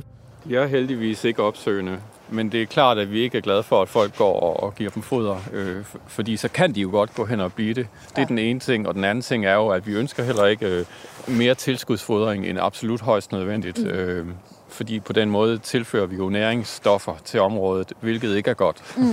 Er i forhold til naturudvikling. Mm. altså sundhed for dyrene, det er jo heller ikke uh, super fedt, hvis man uh, kommer og giver dem en spand fuld æbler eller et eller andet. Ikke? Altså, det kan godt være, at de synes, det er hyggeligt lige i situationen, men, men uh, motoren på sådan en hest er vant til at gå på noget meget ekstensivt. Hvis den så lige pludselig får sådan en gang, der, det er jo ikke sådan rigtig godt. Nej. Så beskeden er hermed givet videre, især fra Helle, der står og kigger, I må ikke fodre Man må ikke dyrene. give dem æbler og guldrødder. Nej. Nej. Nej. Ja. Vi har også haft nogle andre sådan lidt måske uforudsete øh, udfordringer i projektet, og det er jo simpelthen lovgivningen. Mm. Altså meget af det her, det er jo fredskov, og det betyder, at øh, når vi nu græsser det nu, så har vi egentlig bare en midlertidig dispensation til det. Vi har ikke sådan kunne få en permanent, øh, men det satser vi jo så på at få. Men, øh, men skovloven er på mange måder en, en produktionslov, og selvom den også sådan ligesom åbner mulighed for øh, andre ydelser, altså biodiversitetsydelser og rekreative ydelser til befolkningen, så, er det, så har den meget fokus på den hardcore produ- vedmasseproduktion. Øh, og det har vi godt kunne mærke sådan lidt, øh, når vi har skulle have de øh, myndighedsgodkendelser, vi har skulle. Så er Ja, der er noget, I ikke har fået lov til, altså som I, som I gerne ville, hvis Ja. I så fik den permanente Det er der i godkendelse? høj grad. Altså, vi, må jo, vi har jo ikke måttet fjerne øh, nåletræsbeplantninger, der ikke er det, der hedder huggsmodne. Og det betyder, at vi meget paradoxalt har skulle lade små øh, eller mellemalderne sitkagrænt bevoksninger stå. Øh, og dem vil vi jo egentlig gerne have væk. Lige netop sitka er en, en kedelig spredningsbarriere her heroppe. Ja. Øh, så jo, det giver da nogle, nogle begrænsninger og noget dialog med myndigheden.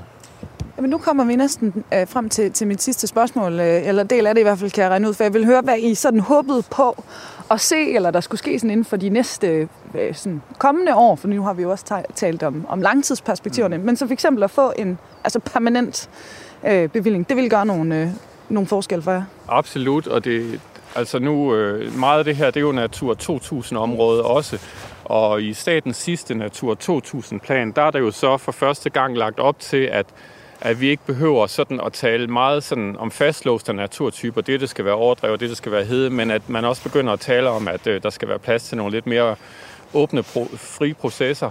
Og det er jo meget fint, men i realiteten er det underliggende lovgrundlag ikke sådan helt på plads. Øhm, så ja, der mangler noget for, at, øh, for at vi kan tænke øh, mere uproblematisk i natur. Øh, Og er der andre øh, ting i forhold til, til, til arter eller noget andet, som I sådan tænker, det kunne godt være sandsynligt, at de dukkede op her inden for de næste par, par år, bare i forhold til det, der allerede er lavet? Jamen altså, en af de lokale fuglekigger, han er jo begyndt at snakke om hedelærk heroppe. Ja. Øhm, ja, men altså tænker du på arter, der vil dukke op, eller? Ja, altså ja. Om, der kunne, om der kunne komme nogen, som, øh, som I ikke havde haft tidligere i kraft af ændringerne. Jamen det kan der jo helt sikkert, men der, er- der er jo også lavmobile arter, som simpelthen aldrig vil kunne komme herop, uden vi i hvert fald aktivt laver assisteret spredning. Altså for eksempel helt op til ja, slutningen af 1970'erne, der fløj der hedeplettevinge heroppe, mm. som er en meget sjælden øh, og internationalt beskyttet dagsommerfugl. Øhm, hvis vi vil have sådan noget tilbage, så er vi nødt til at lave assisteret spredning, og det tror jeg bliver en diskussion i de næste 50 år efterhånden, som arterne forsvinder. Øh, bare derud af imellem hænderne på os. Øh, og vi, som du forstår, så har vi jo gjort det lidt. Vi har lavet lidt assisteret spredning inden for området, men ikke sådan udefra ind. Øhm, og det tror jeg er noget, vi kommer til at se mere til, og som vi ikke skal være så bange for, øh, hvis vi vil passe på den natur, vi har tilbage. Jamen, det bliver spændende at se, og øh, nu kan vi altså se, at tiden den, øh, den løber altså altid hurtigt her i Vildsborg. Det er den også gjort i dag. Vi har simpelthen ikke mere tid tilbage. Og øh, det er altså Svend Klitgaard Lassen og Flemming Helsing fra projektet og Aalborg Kommune, vi har været ude med, og Helle Flov Sørensen, der altså holder øje med alle dyrene herude, og der er mange af dem, og de står faktisk lige rundt omkring os nu. Alle tre, tusind tak, fordi I måtte komme på besøg. så tak. Selv tak. Det bliver spændende. Jamen, så skal vi bare finde tilbage til bilen her. Fandt du alligevel en lort at træde i? Der er overraskende langt imellem dem, ikke?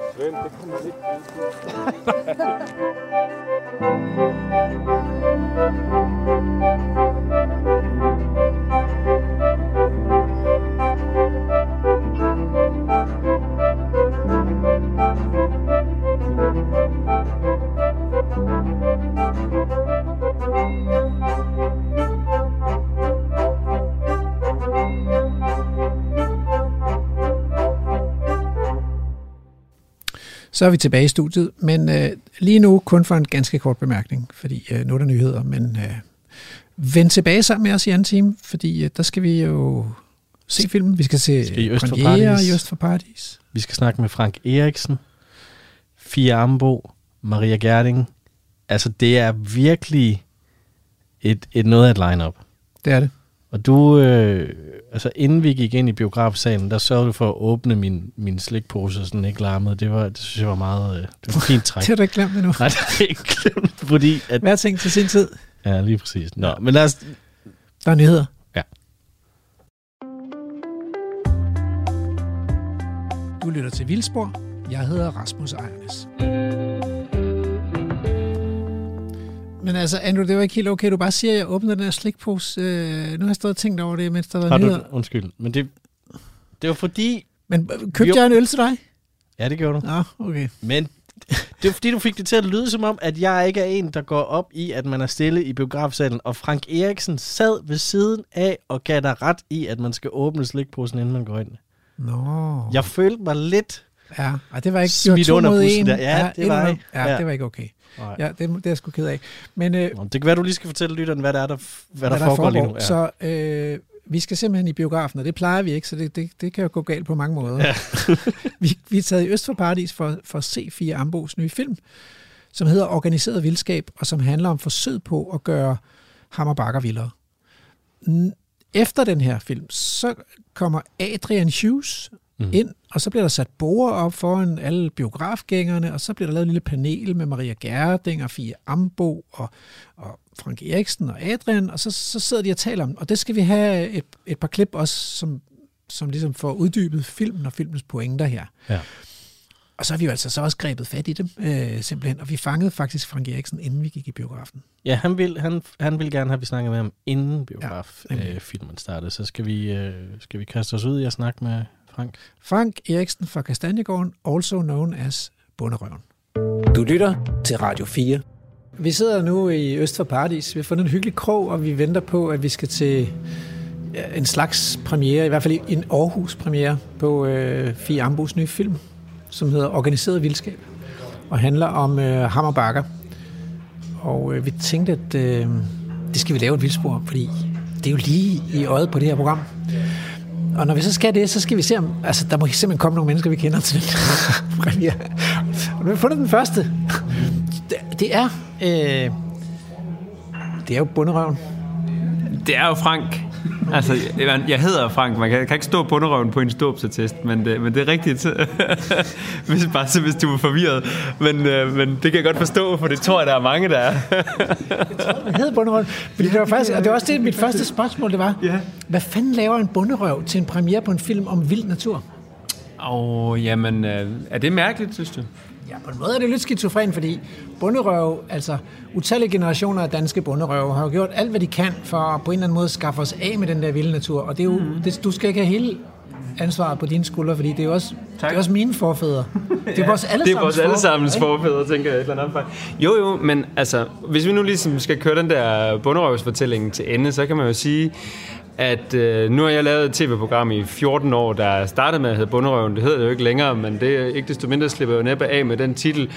Og har jo fra flere sider, øh, er der folk, der har konstateret, at vi vel i et eller andet omfang er lykkes med at transformere bunderøvsbegrebet igennem de programmer. At, at hvis det folk ligesom tænker på nu, når de siger bunderøven, er, er synonymt med mig og det jeg gør, og de nye ting, jeg i så fald har tilført det begreb, så er det her vel det næste lag, er det ikke det? Jeg kom simpelthen til at se noget af det sidste afsnit, fordi ja. der var en eller anden teaser, hvor du står med sådan en peberkværn for at forhindre nogle heste i at knæve i noget træ. Ja. Jeg kunne simpelthen, det, det var simpelthen for... Jeg var simpelthen så ind og se, hvad fanden der foregik der. Øh, men så får jeg jo også set, at, at du har også et par køer, ja. som du trækker på stald. Ja, ja. Og, og, og der står du og gør der nogle overvejelser, fordi det er jo det modsatte, de så gør her i Hammer Bakke, ikke? hvor de sætter ja. nogle, nogle, nogle tamdyr, som vi utallige generationer af bunderøve har været vant til at trække på stald om vinteren. Og nu lader de dem så gå hele året rundt derude. Nogle heste, en mm. lille flok heste, ikke? Og, øh, og så også noget, noget kvæg ja. i noget helårsgræsning. Ja, ja. Clasher det også med din måde at tænke, på de der, tænke om de der dyr på, eller det er bare helt naturligt, eller hvad? Altså hvad? At, At lade dem gå ud om vinteren. Nej, det er da fint. Altså, altså, jeg, altså jeg tror... Øh, altså, altså, jeg ser ikke tingene så sort-hvidt, øh, Rasmus. Jeg tænker, der er, altså, der, er års, der er flere årsager til, at mine dyr kommer på stald. Det tænker jeg ikke, fordi de har brug for det. Jeg er faktisk super ærgerlig over, at der ikke er nogen, der vælger at bruge lige præcis de køer, jeg har i øh, helårsgræsning. Fordi det er ligesom... Øh, det er jo det danske svar på et dyr, der rent faktisk vil egne sig til helårsgræsning. Det er jo en traditionel dansk kvægrace, ikke også? Det sidste reminiscens af de dyr, der levede, der blev brugt på den jyske højderyg, ikke også? Altså, så de er meget, meget nøjsomme, laver masser af pels. Altså, Du må lige sige, hvad de hedder. de hedder SJM, sortbrødet jysk malkekvæg. Og det var det kvæg, der ligesom var det fremherskende i Jylland indtil starten af 50'erne, hvor en flok, for at blive den terminologi, jyske bunderøve, besluttede sig for, at man kunne ikke have en nøjsom ko, som gav lidt mælk, ikke prangende meget, og heller ikke lidt kød, eller og heller ikke bare en smule kød. Man skulle enten skulle man gå mælkevejen, eller skulle man gå kødvejen. Ikke? Og så, besluttede man sig for at gå mælkevejen, og over, mange, over ganske få generationer fortrængte man de der gener, de oprindelige gener, og fik sig den der højere, og efterhånden jo super ydende Holstein Friser. Ikke? Altså, det er jo ligesom slutresultatet af det arbejde, der begyndte der. Men der var jo nogen, der holdt fast i det oprindelige øh, race der, og den har jo så overlevet til i dag. Men ved du, at uroksen var 1,80 meter i skulderhøjde? Ja, jeg ved godt, den var stor. Ja, ja, den var fandme stor. Men vi har faktisk lige slagtet et af de her køer øh, i, øh, i fredags, fordi jeg har ligesom, altså hele ideen med det der med, at de skal på staller og alt sådan noget, handler jo også om, øh, ikke at have mere plads, end vi har derude, ikke også? Øh, og det der er jo, som bønder gør, altså at ved at høste foder, som vi jo gør i form af hø, jamen så bliver vi jo netop i stand til at hæve dyreenhedsantallet øh, eller kiloantallet per hektar jo ret meget mere i forhold til de 100 hektar, som I jo snakker om i, i helårsgræsning. Jeg har regnet ud, at med det jord, jeg ligesom råder over, der er det, at jeg, det synes jeg er en super vigtig pointe at have med, når man skal have folk til at forstå, hvorfor helårsgræsning fungerer så godt, som det gør. Det, vind, det, sommerfod, eller det foder, jeg høster om sommeren i form af hø, Og gemmer til en og gemmer til om vinteren, det gør, at jeg kan gå fra de der 100 kilo til 250 kilo. Ikke? Altså, det er jo sådan... Altså, det synes jeg, det er jo helt vildt. Altså. Og det tror jeg, det perspektiv gik jo først for alvor op for mig, da jeg forstod ideen om helårsgræsning, og kunne se den forskel der. Ikke? Og det kan vi, vi kan godt lige repetere det. Der kan jo være kommet nye lyttere til Vildspor, og som ikke lige har hørt de gamle programmer. Altså, så en af pointerne her, det er, at hvis man har et lavere græsningstryk, så kan blomsterne få lov at komme op og blomstre om sommeren. Mm. Øh, men så skal dyrene også gå der om vinteren, for ellers så går det hele jo til. Så det er så om vinteren, at de æder op og spiser ned, og så, så når foråret starter igen, ligesom med helt åben og varm og tør jordbund. Så øh, det Jeg det tror der, så stadigvæk, at de der 250 kilo, som jeg ligger og roder med, må være i den lave ende i forhold til, hvad mange gør ved sommergræsning, fordi jeg oplever, jo, at der er blomster, men absolut ikke særlig mange. Jo. Altså, for det er klart, køerne, de kan ikke spise det hele, men de er godt med i løbet af sæsonen der. Så, men øh, ja. man kan finde øh, steder ude i det danske landskab med både 600, 800 og 1000 kilo per hektar. Det tror jeg gerne. Men, men du har jo en anden relation til Hammer Bakker også, Ja. udover at, at du er interesseret i bunde og følger med i dyrene og sådan noget. Så fortæl lige, øh, hvad, hvad er det? Jamen altså, jeg har jo de sidste otte år siddet i bestyrelsen i det, der hedder den Danske Naturfond, som jo er dem, der vel altså, har fået projektet i Hammerbakker til at, at have det omfang, som det nu engang har. Fordi det er jo også der, der ligesom øh, gik ind i projektet der øh, i 2018 med at købe en stor portion jord af Hedeselskabet, som jo ligesom sammen med det jord, Aalborg Kommune har deroppe, og Botanisk Forening har deroppe, tegner konturerne af noget, der kan gå hen og blive til os over tid et rigtig stort naturområde. Og det er jo det, der er missionen med Naturfonden. Det er jo netop at købe, købe jord op ud fra ideen om at skabe større sammenhængende natur. Det er jo det, I har efterlyst jo i, i mange år som, som fagpersoner. Jo, ikke? Ja, så her taler vi ikke om radioverden Rasmus Ejnes, men om biologen Rasmus ja, Ejnes. Der er flere... Jeg er klar over, du også er sådan lidt. Ja, Men prøv at høre, vi er mange, der lever af dem med personlighedsspalten, ikke Rasmus? Det vender man sig til. Okay, har du set filmen? ja, det har jeg. Så kunne jeg godt tænke mig at vide, er du, tænker du sådan, at det kan vi sgu være meget godt tilfreds med i Dans, Danmarks Natur, øh, den danske Naturfond, fordi det, den, ja, den anden er en anden.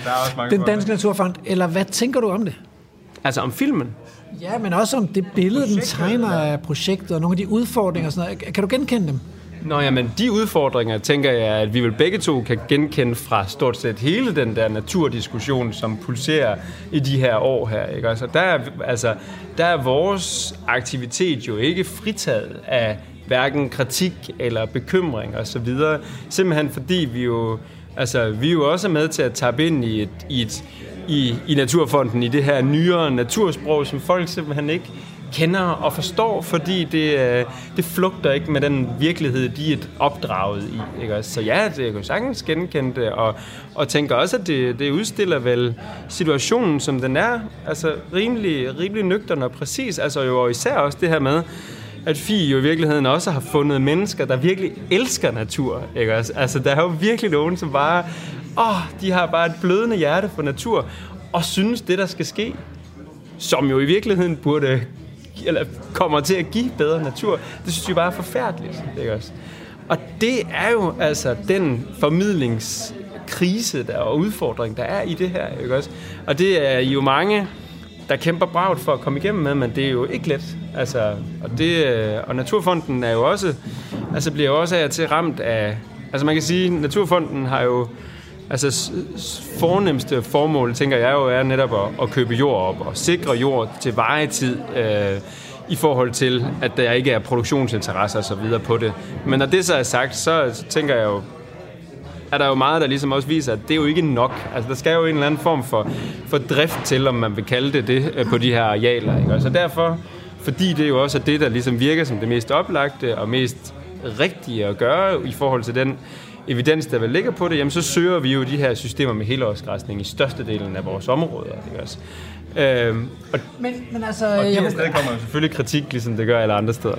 Ja, så I slipper ikke. Øh, Nej, absolut Uanset ikke. faktisk, hvilket sprogbrug I bruger, så er der alligevel nogen, der tænker, ah, der må stikke noget under de der dyr, de får ikke nok at æde om vinteren, eller... Ja, og det er jo fordi, altså, jeg tænker jo, når man ligesom beskriver, nu startede vi med at snakke om det der med forskellige græsningstryk og alt sådan. Jeg synes sådan set, det er meget stille og roligt det her. Jeg synes jo ikke, der er så meget, der er ikke så meget i det. det er, nej, det er sådan rimelig straightforward, ikke også?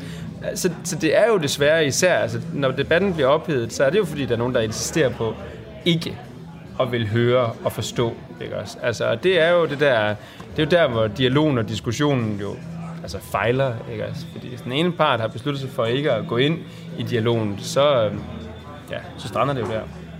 Men det er jo også nogle gange, der er noget, man ikke vil, og så sker det alligevel. Altså, jeg ville sgu ikke have Djursland motorvej, men det skete ja. jo alligevel. Der var nogen, der besluttede at gøre det alligevel, lige meget hvor meget vi protesterede og råbte. Ja. Og nu kører jeg på den, og synes, det er jo meget smart. Det ja, det den der motorvej liggende der. Ja. Jo, jo. Men, men i forhold til det her med vild natur, nu, har, øh, nu er det titlen er jo sådan lidt dobbelttydig, organiseret vildskab. Ja. Ikke? Ja. Øhm, og nu, og I har jo øh, faktisk investeret flere steder. I, I har været med til at sætte hegn rundt om Molslaboratoriet.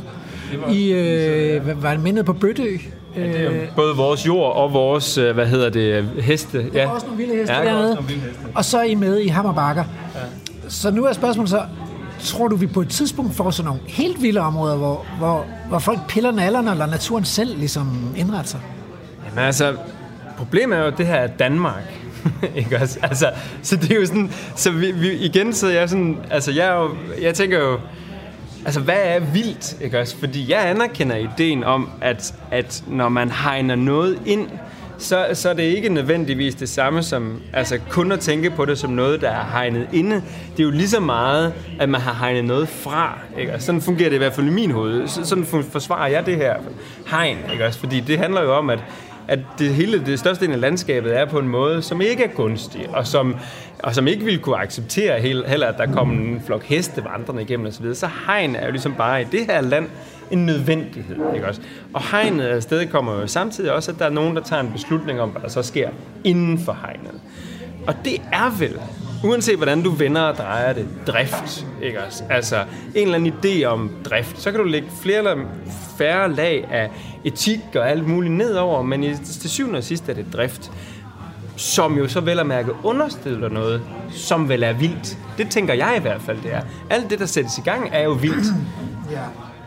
Men så kommer jeg alligevel til at spørge til de dyr der, fordi du, du har garanteret været nok sammen med sådan nogle dyr til at vide, at hvis de har det godt og får chancen, så parer de sig. Hvis de er sammen i brunsten, så parer de sig, og så, og så kommer der jo flere dyr. Ja, selvfølgelig. Og det er jo det, de også oplevede på Molslapper, så fra år til år, de havde det simpelthen så godt om vinteren, og fik jo åbenbart nok at æde, fordi de parrede sig og blev til flere dyr. Ja. Og så på et tidspunkt, det kan ikke blive ved. Nej, det Lige meget, hvor stort område det er. Det er jo, og det kan det jo hverken altså med eller uden hegn, han har sagt. Altså, det, er jo, det er vel også det, som, som, som evidensen siger, det er jo, at sådan nogle bestande jo så kollapser. Ikke? Altså. Og det... Øh, og det kom, altså, Og du har garanteret også tænkt etiske tanker, fordi det kan man ikke, altså du har sendt et dyr til slagtning og sådan noget, så man kommer ikke udenom som landmand også at tænke over etikken. Har dyrene det godt, og er det okay at slagte og spise dem og alt sådan noget, ikke? Øh, så hvad tænker du om det her? Er det, er det, er det bedst for dyrene, eller er det bare forløbig det, vi magter? At vi, vi bliver nødt til at gå ind og slå dem ihjel?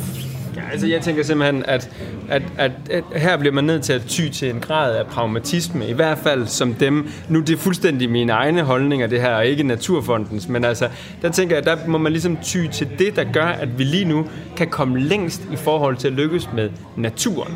Og ikke måske så meget med at lykkes med frisætningen af køerne og hestene, altså i den der yderste potens af frisætning. Fordi selvom man kan sige, at at, at, at noget af det, som du også plauderer for, man skal sætte fri vidderligt er truet hvad skal man kalde det, egenskaber eller instinkter, som jo bliver undertrykt. Ikke? Altså, man sige, hverken heste eller køer, de er ikke truet jo vel. Altså, men, der er mange af dem, så... Altså, men hvis vi så tager elgene, ja.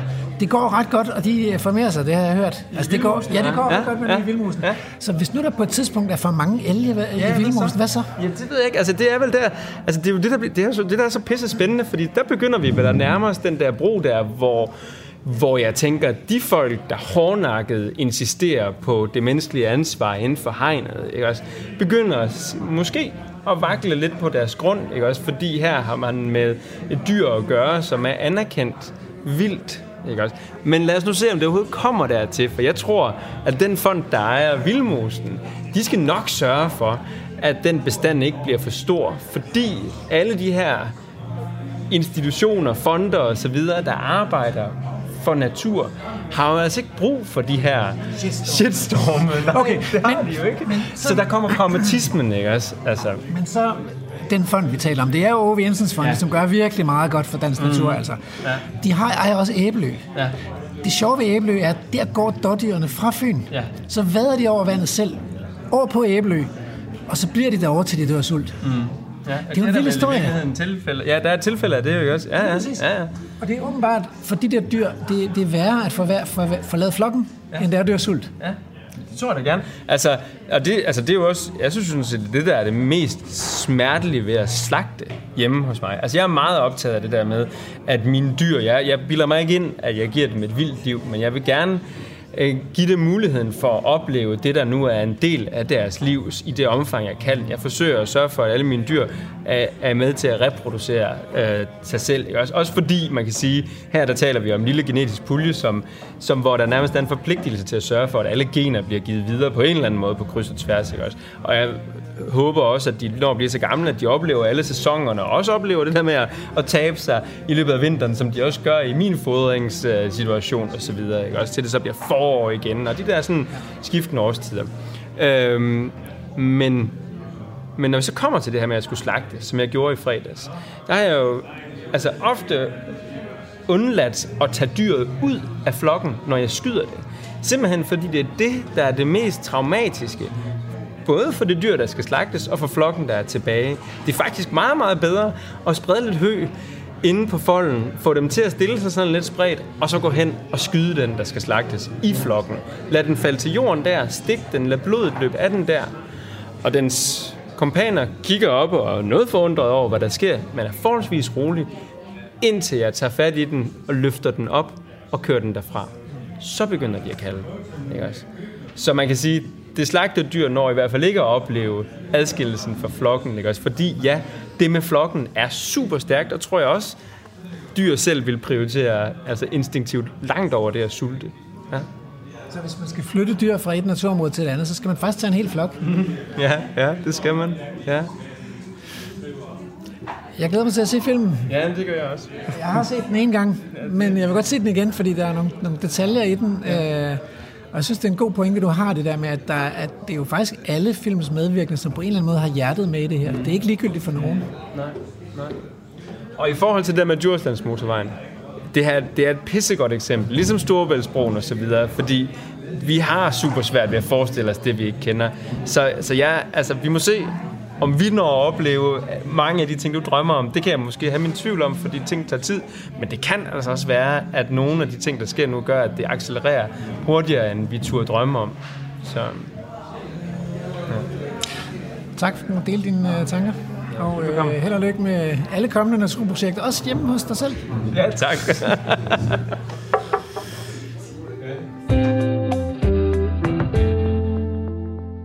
Nu har vi været i biografen, og vi har set en film. Og ja. øh, Adrian Hughes og company, de er kommet ind på scenen og har legnet op med stole og borer. Og nu går paneldebatten i gang. Ja, og vi starter med et, øh, et, et, et spørgsmål af Adrian, Ja. som handler om, hvorfor kan man ikke bare... Hvad var det, han, han sagde? Hvorfor kan man ikke bare tromle hen over alle de der besværlige gemytter, som har så mange meninger om, hvad naturen må og ikke må? Ja, fordi der er jo der er blevet foretaget målinger, og alle er glade, alle vil gerne det her. Hvorfor er det så dem, der brokker sig, der får deres øh, eller... Ja. Så det er altså en optagelse fra øh, paneldebatten efter filmen Organiseret Vildskab. Du lytter til Radio 4. Men hvad, man kan jo sige, når man kigger på det, som Fie Ambros film handler om, så øh, øh, ser jeg nogle mennesker, som protesterer over noget, som jeg grundlæggende set synes er stupidt at protestere over. Og nu forestiller jeg mig måske, fordi de fleste her, måske alle her, er medlemmer af, af Danmarks Naturfredningsforening. Ja, så tør, vi er blandt venner her, ikke? Og, og, der, meget, meget og der er formentlig, formentlig ikke nogen repræsentanter for Liberal Alliance eller andre, som er imod det. her. Er de begyndt at elske det nu? Har I statistikker på, hvor mange medlemmer I har for Liberal Alliance? Nej, men man kan, sige- man, man kan sige, vi, vi har jo ikke nogen repræsenteret her i panelet, som synes, at rewilding af Hammer Bakker er en dårlig idé. Og jeg vil gerne se en håndsoprækning her blandt publikum, af dem her blandt publikum, som synes, at rewilding af Hammer Bakker er en virkelig dårlig idé. Eller bare en mindre, en mindre god idé. Bare en lidt dårlig idé. Nej, det er jo ikke det, er jo ikke det publikum, vi er i her. Ikke? Spørgsmålet er, Hvorfor trumler vi ikke bare henover dem? Altså, der er jo, hvis der er 999 biologer, som siger, at vi har en diversitetskrise, øh, så er der måske en, som siger det modsatte. Hvorfor tager vi ikke bare og trumler igennem med det, som vi ved er det rigtige, og som vi ved, kloden har brug for? Vil du prøve at svare på det, Maria? Jeg tror grundlæggende, det er en rigtig dårlig idé at trumle øh, hen over folk. Altså jeg tror, at, at lytte til dem, at tale med folk, og det er også det, jeg synes, filmen viser så fint. Det er selv dem, der er skeptiske og modstandere og synes, det her det er rigtig, rigtig svært. Jeanette, øh, som elsker græntræerne, er jo et godt eksempel. Hun elsker jo også naturen. Altså, du kan jo ikke beskylde hende for øh, hverken at være dum, eller at hade naturen, eller ikke vil have biodiversitet. Hun kommer bare fra et andet udgangspunkt. Og jeg tror ikke, at hun fra den ene dag til den anden kan omvendes, men man skal da respektere hendes standpunkt. Man skal da prøve at forstå, hvad hun er rundet af, og Men det hvorfor. store spørgsmål er jo selvfølgelig, hvor langt skal man, hvor langt skal man respektere hendes standpunkt? Altså skal man for eksempel, hvis hun synes, det er en dårlig idé, der, altså det, den første, der kommer til ord i din film, øh, udover den meget stærkt martrede og, og, og plagede natur øh, om, omfordeler, eller hvad han er. Projektleder. Projektleder. Så kommer der jo en bagefter, som siger, I aner ikke, hvor ondt det gør at se det her. Det er det værste. Det er den ægleste form for ord i journalistisk referat. Ikke? Altså, skal man også respektere det standpunkt? Er det det, du siger, Maria? Nej, men jeg synes jo, det er så vigtigt, at man står fast. Og det, det, det er fuldstændig det samme, der gælder med naturnationalparkerne. Der har man jo også været rundt, man har været på vandring øh, adskillige gange, man har diskuteret med folk, man har diskuteret med rytterne, kan jeres ridesti så komme til at ligge et andet sted osv., men man har jo stået fast. Man har jo ikke sagt, Nå, okay, så dropper vi de dyr. Øh, hvis I ikke kan lide det, så, så, hold, så trækker vi den del tilbage. Man har jo stået fast på konceptet af, at det her skal have som endemål, at begynde at få en vildere og mere øh, selvforvaltende natur, hvor man sætter nogle af de komponenter ind, de store græsne dyr, urørt skov, forvandlet tilbage i landskabet, det vi mangler, for at, at biodiversiteten kan få fremgang, og for at naturen kan begynde i højere grad at klare sig selv. Og det er jeg stolt over i forhold til vores politiske system. At på trods af denne her, og når jeg siger, at jeg blev overrasket, jeg blev overrasket ikke over, at debatten kom, men over, at der kommer dødstrusler til landets miljøminister, at det bliver sammenlignet med holocaust, altså at debatten er, altså det, det, det er niveauet, jeg er øh, overrasket over. Ikke over, at der er nogen, der øh, kan blive vrede, øh, men, men det er, er polariseringen. Øh, og der synes jeg, at man på trods af den diskussion, på trods af den ophedede debat, at man har stået fast og været urokkelig. Det synes jeg er helt fantastisk. Og der mener jeg, man skal trumle, hvis, hvis jeg skal henvise til, til det, du spørger om. Ikke? Det, man skal ikke acceptere, for det her har naturen brug for. Naturen har brug for nogle modige politikere, der tør stå fast på trods af en polariseret debat. Ja, så kan man jo sige, altså netop i den sammenhæng er netop et initiativ som den Danske Naturfond jo heller ikke helt så tosset. Altså der er ikke nogen tvivl om, at, at fonde har jo øh, en, en evig forskrækkelse øh, for dårlig omdømme. Det er klart. Men, men alligevel, når, en- når, en, når en fond nu, som den der ejer størstedelen af arealet her i Hammerbakke, bliver sat med så rent et mandat, som den nu engang er sat med, altså at det er natur, det handler om, så gør det det jo også meget lettere at forfølge det her, uden at ryste på hånden og være opmærksom på meningsmålinger og så videre og andet. For jeg er fuldstændig enig i, at vi har haft modige politikere også i, i sidste regeringsperiode her, netop i forhold til at, at stå, stå de her dagsordner igennem. Men jeg tror stadigvæk, det bliver målt og vejet meget nøje politisk, om det er en vindersag eller ej. Jeg synes lige, vi er nødt til at forklare, hvad den her natur... Så fader vi ud her, fordi vi behøver ikke få forklaret, hvad Naturfonden er, synes Det er jeg. rigtigt. Men øhm, det var jo ikke kun debat øh, oppe på scenen, der var også spørgsmål fra salen. Ja, det er rigtigt. Og øh, der var en kvinde, som jeg desværre ikke fik snakket med bagefter, og dermed fik lov til at bringe hendes spørgsmål i radioen. Jeg er ret sikker på, at det var okay med hende, men, men for at være på den sikre side, så, så gengiver vi spørgsmålet i stedet for. Det handler om, øh, at hun synes, at, at at der var et synspunkt, der ikke var repræsenteret så meget i filmen, og det er benytterne. Altså hun sagde, at rytterne er med, men mountainbiker er, er ikke øh, øh, altså er ikke så meget med, så vi mangler balancen mellem at benytte og beskytte. Øh, hun siger, at hvis vi gerne vil det her, så skal vi passe på med ikke at blive for heldige, for så støder vi nogen fra. Hvad siger du til det? Er det noget, vi, vi er vant til at, at høre sådan et, sådan et synspunkt? Nej, altså jeg tror, at der er et par ting her, jeg har lidt svært ved. Det ene, det der med, at, at man er heldig, hvis man gerne vil, vil den vilde natur. Mm. Det har Ja. jeg lidt svært ved, fordi det synes jeg ikke er specielt heldigt. Altså. Nej. Eller i hvert fald så er det på den gode måde heldig. Ja. Det andet, det er det der med, at det er en polariseret debat. Mm. Altså efter min mening, så står der nogen, der skriger ud øh, i den ene side, hvor de ikke vil have vild natur. Men Jeg kan ikke se, hvor er den anden pol hen. Hvad er det for en anden ekstrem pol? Altså hele den danske befolkning, er, der er et stort flertal for vild natur. Ja. Lad os prøve at høre, hvad øh, Frank, Fie og Maria svarer til det her. Du lytter til Radio 4. Må jeg kommentere med det? Jamen, det synes jeg, I alle tre skal. Fordi altså, det er fuldstændig rigtigt, at der er selvfølgelig skal der jo være en eller anden grad af hensyn til, til benytterne. Det, er- det er også noget, som, øh, som jeg tænker, vi, vi agerer efter i forhold til i Naturfonden. Men sådan helt personligt, der har jeg det sådan, at jeg synes, med al respekt for benytterne, som jeg også selv er i et eller andet omfang, synes jeg, det er lidt en problematisk diskussion at gå ind i og sidestille altså naturen, det er det, vi taler om her, naturens ved og vel med en eller anden form for privat interesse.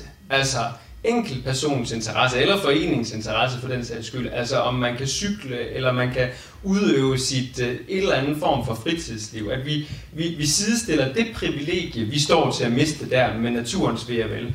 Og det synes jeg er, er sådan skævt proportioneret. Altså der, der, jeg, jeg savner jo ligesom, at i den samtale, som man selvfølgelig skal gå ind i for at diskutere og samtale om, hvor det her skal bevæge sig hen, der må der være en eller anden præmis, der bliver etableret omkring, at natur er altså ikke en interesse på lige fod med mountainbiker og heste osv. Det er en større dagsorden, ligesom klima også er en større dagsorden, ikke også? Hvor vi ikke kan sidestille klimaet med, om vi skal spise færre bøffer osv. Det er simpelthen for banalt i forhold til, hvad der er på spil i den anden lejr. Nej, men der bliver jo argumenteret for en eller anden form for pragmatik, Frank. Altså, ja, men pragmatikken er, den her pragmatik, jeg efterlyser, er, at vi ligesom kunne samle os om en, en, et udgangspunkt, der i hvert fald hedder, at natur ikke er en, er en, er en sådan interesse på størrelse med mountainbike og heste og hvad det nu måtte være. Det er en væsentlig større dagsorden, og det er urimeligt at stille de to ting op over for hinanden. Hvis vi kan komme dertil, så vil jeg gerne diskutere benyttelse bagefter. Hvad siger du til det, Fie? Det er jo sådan set Ja. en kritik af filmen, at, du, at der er et synspunkt, du ikke har taget med ind. Altså, øhm, jeg vil bare sige, at jeg havde faktisk en hel del med mountainbiker, som så er blevet klippet ud, fordi det er jo ligesom om, det kunne ikke, jeg kunne ikke helt få det til at hænge sammen. Fordi det, men det er rigtigt, at det er faktisk en ret vigtig diskussion, og det har fyldt meget op i Hammerbakker. Og jeg har også filmet forskellige åbne retssager, der var mellem mountainbiker og kommunen i de der områder. Ikke? Er der retssager? Ja, så bliver det afgjort gjort ude i... Altså, så kommer man ud på stedet, og en dommer afgør om... Fordi problemet er lidt, at der er de her, som er organiseret, som laver spor sammen. Og så er der de der pirat mountainbiker, som ligesom bare laver deres spor, hvor de vil. Og det, der, der, det er ligesom et problem. Fordi så kan man ikke styre noget som helst. Men, men det jeg jo bare synes, det er, at man skal finde den der balance, hvor der er plads til os mountainbikerne. Fordi det, altså, vi har brug for at have den der kontakt, og vi vil jo rigtig gerne have, at folk kommer ud, og vi vil rigtig gerne have, at der er sådan et aktivt friluftsliv. Alt det der sunde noget, som man kunne se, der skete under corona. Ikke? Men hvem siger, det er et problem? Altså, for det er, jo også, det er jo også antagelsen af, at mountainbikerne skulle være et problem. Altså, det jeg primært oplever i de her arealer, som Naturfonden har, det er, at problemet ikke opstår mellem mountainbikerne versus naturen, men mellem mountainbikerne og dem, der gerne vil gå på stierne, fordi stierne bliver smattet af, at mountainbikerne kører på dem. Så det er sådan set en menneske mellem menneske debat, og ikke så meget om det er til gene for naturen. Det er det næppe. Jamen, det var det, som retssagerne gik ud på. Ja. Det var, at det ligesom, at mountainbikerne forstyrrede nogle af de her stille zoner. Og fordi de lavede de her piratspor, ikke? og de lavede de her meget byggede konstruktioner. Så, så, men, men altså... Men altså, i, i, i, i, sådan som jeg husker, i, i din film, er der, der er en, som siger, at disse mountainbikere også forstyrrer fuglene. Det, det var nemlig det, der var problemet. Altså, at der var en forstyr... Altså, de, de forstyrrede... Og så, så er det jo en konflikt altså, mellem menneskelig benyttelse af naturen og naturen. Ja. Ja, altså det i din film i hvert fald. Det er det, ikke også? Og det, det så ligesom endte med, det var, at der var nogle zoner, som de så måtte køre i, og nogle ruter, der blev nedlagte, og på den måde, så kan man jo godt finde en løsning på det. Mm-hmm. Men Maria, det her må jo være altså, stort set alle dine e-mails må handle om det her, ikke? Med døgnet rundt. Øh, og mange, mange, mange møder. Ja, præcis, ikke? Altså, øh, altså balancen mellem dem, som benytter og, og dem, som beskytter naturen, kan man sige. Ikke? Og når du taler om, at vi skal Altså, jeg talte, jeg talte jo sådan set om at bare være Stalin øh, eller Putin og bare sådan trumle det igennem. Ikke? Øh, det siger du så, det er åbenbart, må jeg forstå, ikke nogen god idé. Ikke? Øh, men, men hvis vi skal have folk med til at beskytte rewilding og i det hele taget den grønne omstilling, så skal der vel være en balance mellem beskyttere og benyttere, for nu at bruge den terminologi. Generelt skal der være en balance, men inde i det enkelte genforvildede område, der skal der ikke nødvendigvis være en balance. Der skal der være en klar prioritering. Og man kan sige, at på hver eneste kvadratmeter af kongeriget Danmark, der er det på forskellige vis menneskelige behov, der er nummer et. Og det, der er fuldstændig afgørende, synes jeg, det er, at der, hvor vi siger, der er naturnationalparker eller genforvildede private områder, der er det naturen, der er nummer et. Og det at få genetableret begynde at få genetableret nogle intakte økosystemer, begynde at gøre det allerbedste for, at naturen og naturens arter kan få sine levesteder tilbage, fordi vi har fjernet dem alle andre steder, når vi har opdyrket jorden, når vi har overgræsset naturarealer, når vi har lavet plantageskov overalt, jamen så er der nogle steder, hvor arterne skal begynde at komme tilbage. Og så må man efterfølgende spørge, er der så nogle af de her områder, hvor man stadigvæk kan cykle? Og jeg oplever fra andre diskussioner, at det er mountainbikerne, der er bange for at køre ind i en ko, når de kommer rundt om et eller andet sving, og der så kan stå et stort dyr. Så de er imod de store dyr her. Og der må man jo bare stå fast og sige, at de store dyr skal være her, for det er naturen, der kommer først. Så må vi se, om du kan lægge dine cykelruter, så du stadig er tryg ved at køre her. Og ellers så skal vi lytte og placere nogle af de her mountainbike-spor et andet sted. Det er samme med rytterne, og der synes jeg jo, at rytterne i filmen at vi i virkeligheden gør det så fint og siger, nu prøver vi at se, om man kan kombinere øh, ridesport øh, med, med vildheste, ikke? men med den her klare, klare prioritering. Så i mine øjne skal der ikke være balancer alle steder, men der skal være en klar prioritering. Og så er vi mennesker jo en del af naturen. Og vi kan jo komme der, derind, men ikke længere som den, der skal organisere alting og være dem, der orkestrerer naturpleje og hist op og komme herned og laver øh, små det ene eller andet, men som en mere ydmyg beskuer. Og der er vi inde og pille ved et natursyn og en ny måde at se vores relation til naturen på, som jeg tror er fuldstændig fundamentalt, ikke bare når man taler biodiversitetskrise, men bestemt også når vi taler klimakrise og i det hele taget, hvordan vi skal sørge for, at den her øh, øh jord overlever med os og, og en rig natur. Ja, det er jo et meget godt øh, afsat til det, der skal ske nu, fordi så trak vi jo Maria til side bagefter, ja. da de andre var gået ud af biografen, og så sagde vi, vi vil godt lige snakke en alvorlig, en alvorlig snak med dig her. Og så bagefter, så er det jo, var vi så heldige, at vi kunne snakke med Fie Ambo. Nu, nu har vi set filmen, og så har vi, om jeg så må sige, fanget DN's præsident i en sofa. Øh, Maria øh, Gerding, øh, tak fordi jeg lige må stille et par spørgsmål. Kan du, kan du sige lidt om, hvad er det, der optager folk? Hvad kommer de her? Jeg har diskuteret den i Odense, og så har vi diskuteret den her i aften i Aarhus. Hvad er det sådan ligesom, hvad er det, der optager folk og jer? Øh, både Fie, som har lavet den, men også dig som præsident for Danmarks Naturfredningsforening. Hvad, hvad handler det her om? Jeg synes, det der optager folk, når vi diskuterer den øh, rundt omkring i Danmark, nu har vi gjort det jo både i København, Odense og Aarhus, det er en nysgerrighed på den her modstand. Altså folk synes, det er øh, lidt mærkværdigt, øh, den modstand, som, som filmen også viser, og som man jo har oplevet rundt omkring, omkring når man laver øh, vildere natur. Hvad bunder den i? Hvorfor kommer den? Hvordan skal vi håndtere den? Altså det, det er det, jeg, jeg oplever, der bliver spurgt rigtig meget ind til, øh, når vi viser filmen. Og hvordan kan vi komme endnu videre? Fordi der, bliver også, der er også en meget stor begejstring for det, man ser. Den fremgang for sommerfugle, den, den tro på, at det her det er, det er vejen at gå. Så der er også et, et, en nysgerrighed i forhold til, hvordan får vi meget, meget mere af det her. Altså, der er jo ikke nogen, der er mod blomster og sommerfugle. Jeg har i hvert fald ikke mødt nogen endnu. Så det, det er jo ligesom de der store dyr. Og nu havde vi en debat her, og hvor Frank Eriksen siger, han synes, vi snakker for meget om de der store dyr. Altså, lad os nu snakke om de der blomster og sommerfugle, som alle kan lide. Hvad er det med de der dyr? Jamen, dyrene er jo på en eller anden måde øh, rammer de er jo også mennesker ret voldsomt, tror jeg, på, på flere forskellige niveauer. De, øh, nogle er bange for dem, øh, nogle synes, de er øh, uhyggelige, nogle synes, de lægger begrænsninger for det, de gerne vil i områderne. Det kan være nogen, der kører på mountainbike, det kan være øh, ryttere. Så på en eller anden måde er der rigtig meget konflikt omkring det her. Så er der også en forestilling, vi har jo vores relation til vilde dyr er jo på en eller anden måde nedbrudt, især nogle, vi ellers i mange, mange, mange, mange, mange år har holdt som husdyr.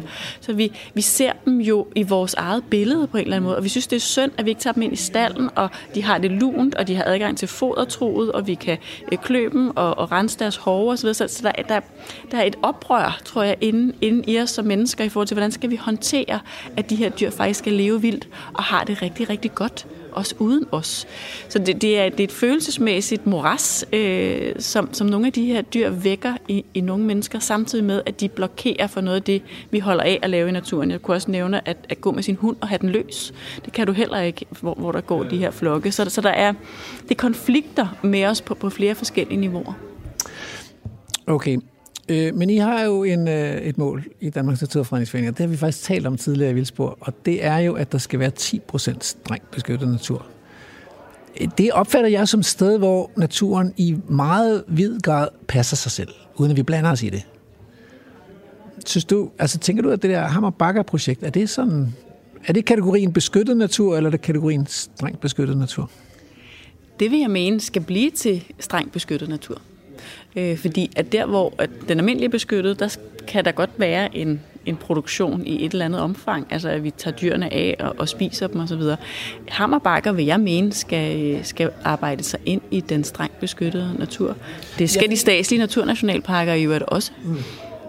Ja, fordi altså lige nu der er der jo to landmænd, der så vi jo film, der passer dyrene, og der er så de her øh, otte heste, og så er der så en flok køer. Men køerne, det er så deres landbrugsproduktion, så de bliver taget ud til konsum og bliver til kød og spist og sådan noget. Og så er der det der med de der heste, det er jo, det er jo så øh, kun hopper. Øh, og den kender vi også fra Naturnationalparken, hvor man snakker om at sætte kastrerede handdyr ud. Det, det er jo ikke rigtigt. Altså, jeg forestiller mig, at sex, det sådan hører sammen med vild natur. Altså også for dyrene. Jamen, det er jeg helt enig med dig i. Og ja, der, der tror jeg, at jeg har en, eller der har jeg en vis pragmatisme. Og ligesom siger, nu tager vi et skridt ad gangen med endemålet for øje. Og når vi sætter os ned og skal skrive den nye lovgivning, der arbejder med begrebet strengt beskyttet natur, det er jo der, hvor det bliver rigtig spændende, når vi blandt andet skal tale om, er det, er det reproducerbare flokke, vi skal have en der, eller er der en indfasning i forhold til, øh, at vi skal også skal lære at håndtere det her? Jeg tror også, der for både dem, der skal holde øje med dyrene, øh, og dem, der skal øh, bruge områderne, der er en eller anden tilvænding, som vi skal have respekt for. Altså, vi, vi skal lære at forstå øh, det her nye system. Vi skal forstå, hvordan vi skal agere som mennesker, også som mennesker, der har et ansvar i forhold til områderne. Hvordan gør vi det her bedst muligt? Men på Molslaboratoriet, der har de jo reproducerende bestande, så har de ikke bare egentlig allerede vist vejen? Jo, det har de, og der skal dem, der har ansvar for, øh, for projektet i Aalborg, de skal jo så øh, også have den tryghed i, at så at gå den vej. Altså, vi har jo også et, et, et sted på Langeland, hvor der også er en, en flok med en hængst, og nu er der så også hingsteføl, og der er vi meget spændte på, hvordan vil det udvikle sig. Vi har også reproducerbare bestande af kvæg. Det går jo rigtig, rigtig godt. Jeg tror, vi skal samle erfaringer ind og begynde at tale med hinanden på tværs af de her naturprojekter og blive trygge ved hele tiden at tage det næste skridt fremad. For mig er det vigtigt, at vi kommer i gang med at få dyrene derud, med at få den urørte skov, med at få vandet tilbage, holde op med dræning osv. Og så må projekterne stille og roligt bevæge sig fremad, så længe vi ikke mister endemålet for øje. Og de mennesker, der er, er med til at drive projekterne, skal bare også være med på den rejse. Du lytter til Radio 4. Nu, øh, nu er vi skiftet ud i sofaen. nu har vi fanget Fie Ambo, instruktør til organiseret vildskab. Og det første spørgsmål er, det er det lidt overraskende spørgsmål. Hvorfor organiseret? Jamen, fordi det hele er jo planlagt og lavet system for at få, få noget til at blive vildt igen, fordi det hele er, det hele er øh, kulturlandskab. Men, men altså, tror du, det nogensinde holder op? Eller er det sådan en medfødt ting, vi ikke ligesom kan pille alderne som mennesker? Jamen altså, det er jo egentlig faktisk dig, der har lært mig det, Rasmus. Nu siger det bare sådan, som det er. At når der er nogen, der har fået flere brikker i lotteriet, som er de der sitka ikke? så vinder de jo lotteriet, medmindre der er nogen, der går ind og organiserer det. Ikke? Så, så det, det, er jo ligesom, det, er jo, det er jo fordi, det er en plantageskov, og hver gang, at det bliver hugget ned, hvis der så ikke kommer nogen og æder det, så kommer det op igen. Og så er det ligesom bare en genudsendelse af samme kedelige nåleskov, som der var der før. Jeg sidder og bliver øh, imponeret over, at du... Øh, har jeg virkelig... Øh, og, og du kan huske det? Ja, jeg kan huske det. Du brugte netop det der billede omkring lotteriet, at hvis der ligesom er nogen, der har fået alle lotteribrikkerne, så kan man jo ikke bare lade det gå sin gang, fordi så, så, så er der jo ligesom bare nogen, der vil vinde. Men okay, men så får vi så fælde de der sitkagraner. Så er der så noget i skovloven, der gør, at de må ikke fælde dem alle sammen. De må kun fælde dem, der er hugstmodne. Så der står stadigvæk en masse sitkagraner derude, har jeg hørt. Så, ja, det er det, de gør. Nå, men lad os nu sige, at de slipper... De får ligesom skaffe sig af med dem. Det er de er forkerte, de der, ikke? Men tror du så, det stopper der, eller, eller vil vi mennesker så bare finde noget nyt, der er forkert, som så også skal rettes? Og... Det er nemlig et godt spørgsmål. Det, det, altså, det ved jeg simpelthen ikke, for det har vi jo ikke prøvet før. Altså i hvert fald os danskere er det jo meget, meget uvandt, det med at lade noget stå, og noget passe sig selv, og noget blive sådan, som vi ikke synes er pænt, og Altså, men, men jeg vil jo sige, at det er en nødvendig udfordring for os også mentalt.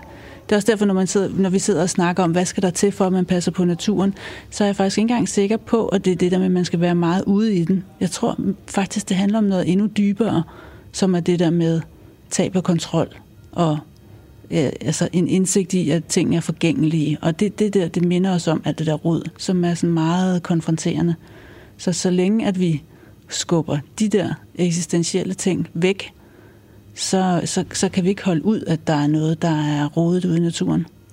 Så et af de temaer, der faktisk er i filmen, som vi måske ikke diskuterede så meget i debatten her, eller I ikke diskuteret, det er jo faktisk temaet om død. Ja. Så der, der er træer, der dør, og der er nogen, der sørger over de døende træer, men, men der bliver også talt om, at dyr kunne gå hen og dø, og at der også kunne ligge døde dyr derude. Ikke? Det er jo så ikke, det er så ikke blevet til noget. Men hvad fanden er det med den der død og det der kontroltab? Hvorfor er det så svært? Altså, måske har det at gøre med vores kulturarv, at øh, vi har den her... Altså, at man skal ligesom undgå lidelse på en eller anden måde. At øh, det, det, det, det er det, det går ud på. Det går ud på at være sådan... Ting skal, skal ikke have for mange udsving. At det skal, og vi skal, og sådan effektivisering af samfundet kræver også, at du har ikke for mange øh, udsving. Det, det, skal, det, det er ligesom om, at ting skal være sådan lidt snorlige. Og det tror jeg, vi, er en spejling af os, vores, hvordan vores natur opfører sig, og så bliver det sådan en dialog imellem kultur og natur, og så bliver det hele ens. Altså, øh, vi har jo også sådan en forestilling om, at vi kan løse det der problem med de der dyr, der måske bliver for mange, øh, nu hvis det så kræver, så de får lov til at have sex med hinanden, men altså, ved at vi kan udfri dem fra deres ledelser. Det består i, at man skyder dem en kugle for panden. Øh, vil du gerne, øh, når du engang kommer dertil, så at der kommer nogen og skyder dig en kugle for panden, så du kan blive udfriet fra dine ledelser? Altså, jeg vil faktisk virkelig meget hellere have skudt en kugle for panden, end jeg vil ligge 10 år på et plejehjem, hvor der er nogen, der holder liv i mig. Fordi at det, at det, at det bare er forkert at dø. Altså, øh, men, men jeg, hvad, nu, hvis det er en, hvad nu hvis det er en uge, ikke? hvor du, du har besluttet for, at nu vil du ikke... Der er mange mennesker i dag, der beslutter sig for, at de vil ikke spise og drikke mere. Nej, det er fint, hvis det er en uge. Hvis vi taler om en uge, så er det fint. Men faktisk er jeg sådan lidt skrækslagen for det der med at komme til at havne på et plejehjem i mange år. Altså, Dement. Måske, ja. Og ligge der i sin tidsblæ, og ingen gider besøge dig. Og der bliver kun, du bliver kun holdt i live, fordi at vi ikke øh, kan acceptere, at døden egentlig skulle have været indtruffet. Det, det kunne jeg virkelig ikke særlig godt tænke mig. Kan du komme og skyde mig en kugle for panden, hvis det sker? Det er jeg faktisk ikke sikker på, at jeg kan. Altså. Og jeg vil selv håbe, at jeg kunne få en, en, en langsom fremadskridende dødsproces. Jeg tænker også, det, det, er jo, det er jo ret der er mange historier i dag om nærdødsoplevelser. Mm. Og det kan godt være, at det, de, det er pinefuldt at nå frem til dem. Mm. Fordi det er ikke så nemt at dø, tror jeg, mm. når det kommer til stykket. Men det er jo åbenbart helt fantastisk at opleve Så, så, så det der med, at døden er sådan noget grimt og beskidt og forkert, tænker jeg måske også er en del af vores kulturs udfordring med den død der. Men det er også, hvis, du for eksempel, hvis man for eksempel er kristen, så er der jo hele den her fortælling om, at man kommer i himmeriget, men det kommer man jo først efter apokalypsen. Mm. Altså, indtil da, der ligger du ligesom i jorden, og så kommer der et tidspunkt, hvor Jesus vender tilbage, og at du ved, man, man så stiger til himmels, og, men, men indtil da, der er du bare, man ligger der i den kolde jord, det er jo super deprimerende at tænke på, på alle måder, ikke? Okay, og jeg ved ikke, om vi kan overføre det til dyrene, men jeg har sådan en eller anden fornemmelse af, at, det, det, at hvis ikke de ligefrem beder om at få skudt en kugle for panden, så er det lidt, så er det lidt et overgreb at gøre det. Jamen, det er klart, hvis det er sådan... Jeg, jeg synes, det, det der, som er den der lange lidelsesproces, som vi har, os mennesker, hvis vi ligesom bliver holdt i live, til trods for, at vi har fået et hjertestop, eller vi har... Altså alle mulige ting, som under normale omstændigheder ville gøre, at man var død. Så bliver vi alligevel holdt i live, fordi vi ikke vi har ikke taget den der svære samtale om, hvornår stopper, øh, hvornår stopper man med at have livskvalitet. Så det er jo også sådan en øh, forsinkelse af døden, men på en måde, hvor det ikke er... Øh, at det, det er fordi, vi er berøringsangst over for at tage den der samtale. Ikke? Men sådan foregår det jo ikke i naturen. Der tager det jo ikke 10 år, for du dør. Altså det, er jo, det er jo fordi, at vi kunstigt bliver holdt i live, og kunstigt bliver sådan... øhm, så starter man hjertet på nogen, som egentlig bare gerne ville have været døde. Altså, og det er jo en udsættelse af en samtale, som bare fordi den er mega svær. Øh, tak fordi, at øh, det lykkedes at have denne samtale, som er øh, mega svær. Og hvad siger du, nu? Vi bliver nødt til at spørge, om Fie regner med, om hendes film Organiseret Vildskab, om den rykker ved noget. Det har du spurgt om nu, Andrew. Jeg håber, at den starter en samtale, fordi der, det er jo helt tydeligt, at der er sådan noget begrebsforvirring. Altså, vi mener rigtig mange forskellige ting, når vi siger natur, og naturligt, og oprindeligt, og alt det her. Så kunne man starte en eller anden samtale, så det foregår på sådan et mere et fælles grundlag, når vi har de her sammen. Det, det er det, jeg håber. Så er spørgsmål om, hvor vi er på vej hen egentlig, at vi bliver lidt mere afklarende. Ja, og det ikke er... Øhm, for mange sådan fiktive billeder, men lidt mere, at man, altså i øvrigt så håber jeg, at man går ud og oplever nogle af de her naturområder, så man har sådan en sanselig erfaring at tale ud fra, i stedet for nogle forestillinger. Tak for samtalen, og tak for filmen. Selv tak. Tak fordi du var med i den.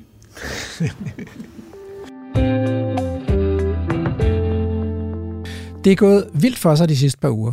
Fie Ambos film organiseret vildskab har kastet en masse udsendelser i radio og tv af sig, og jeg er blevet involveret, vivlet ind i noget af det. Først var jeg i P1 Debat, så var jeg i Kulturmagasinet Kreds på Radio 4, så i P1 Orientering og endelig et deadline på DR2. Hver gang startede debatten og spørgsmålene ved Fisfilm og Hammerbakker, og hver gang endte debatten med at handle om de store dyr i rewilding-projekter, især de vildt levende heste. Og jeg kender flere, der ligesom Frank Eriksen også gør i øh, dagens afsnit af Vildspor, ærger sig over, at dyrene fylder så meget i snakken om vildere natur i Danmark. Det fylder så meget, at det overskygger alle andre aspekter af vild natur. Men her tror jeg, der er noget, de har misforstået.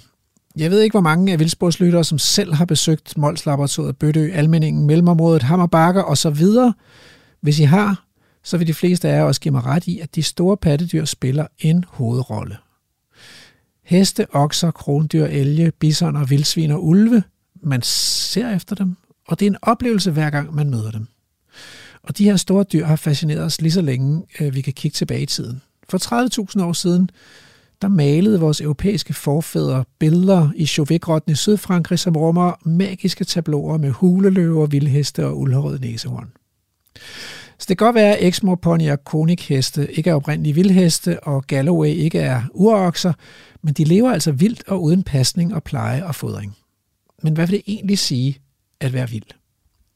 Jeg har kigget i ordbogen, og der står vild adjektiv, betydninger, hovedbetydningen her, som lever i en fri naturtilstand, ikke tæmmet eller udnyttet af mennesker, om dyr. Og så er der et lille eksempel. Det lyder sådan her. De katte, der fødes på stalloftet, de bliver vilde, medmindre man tager sig af dem allerede, mens de diger moderen.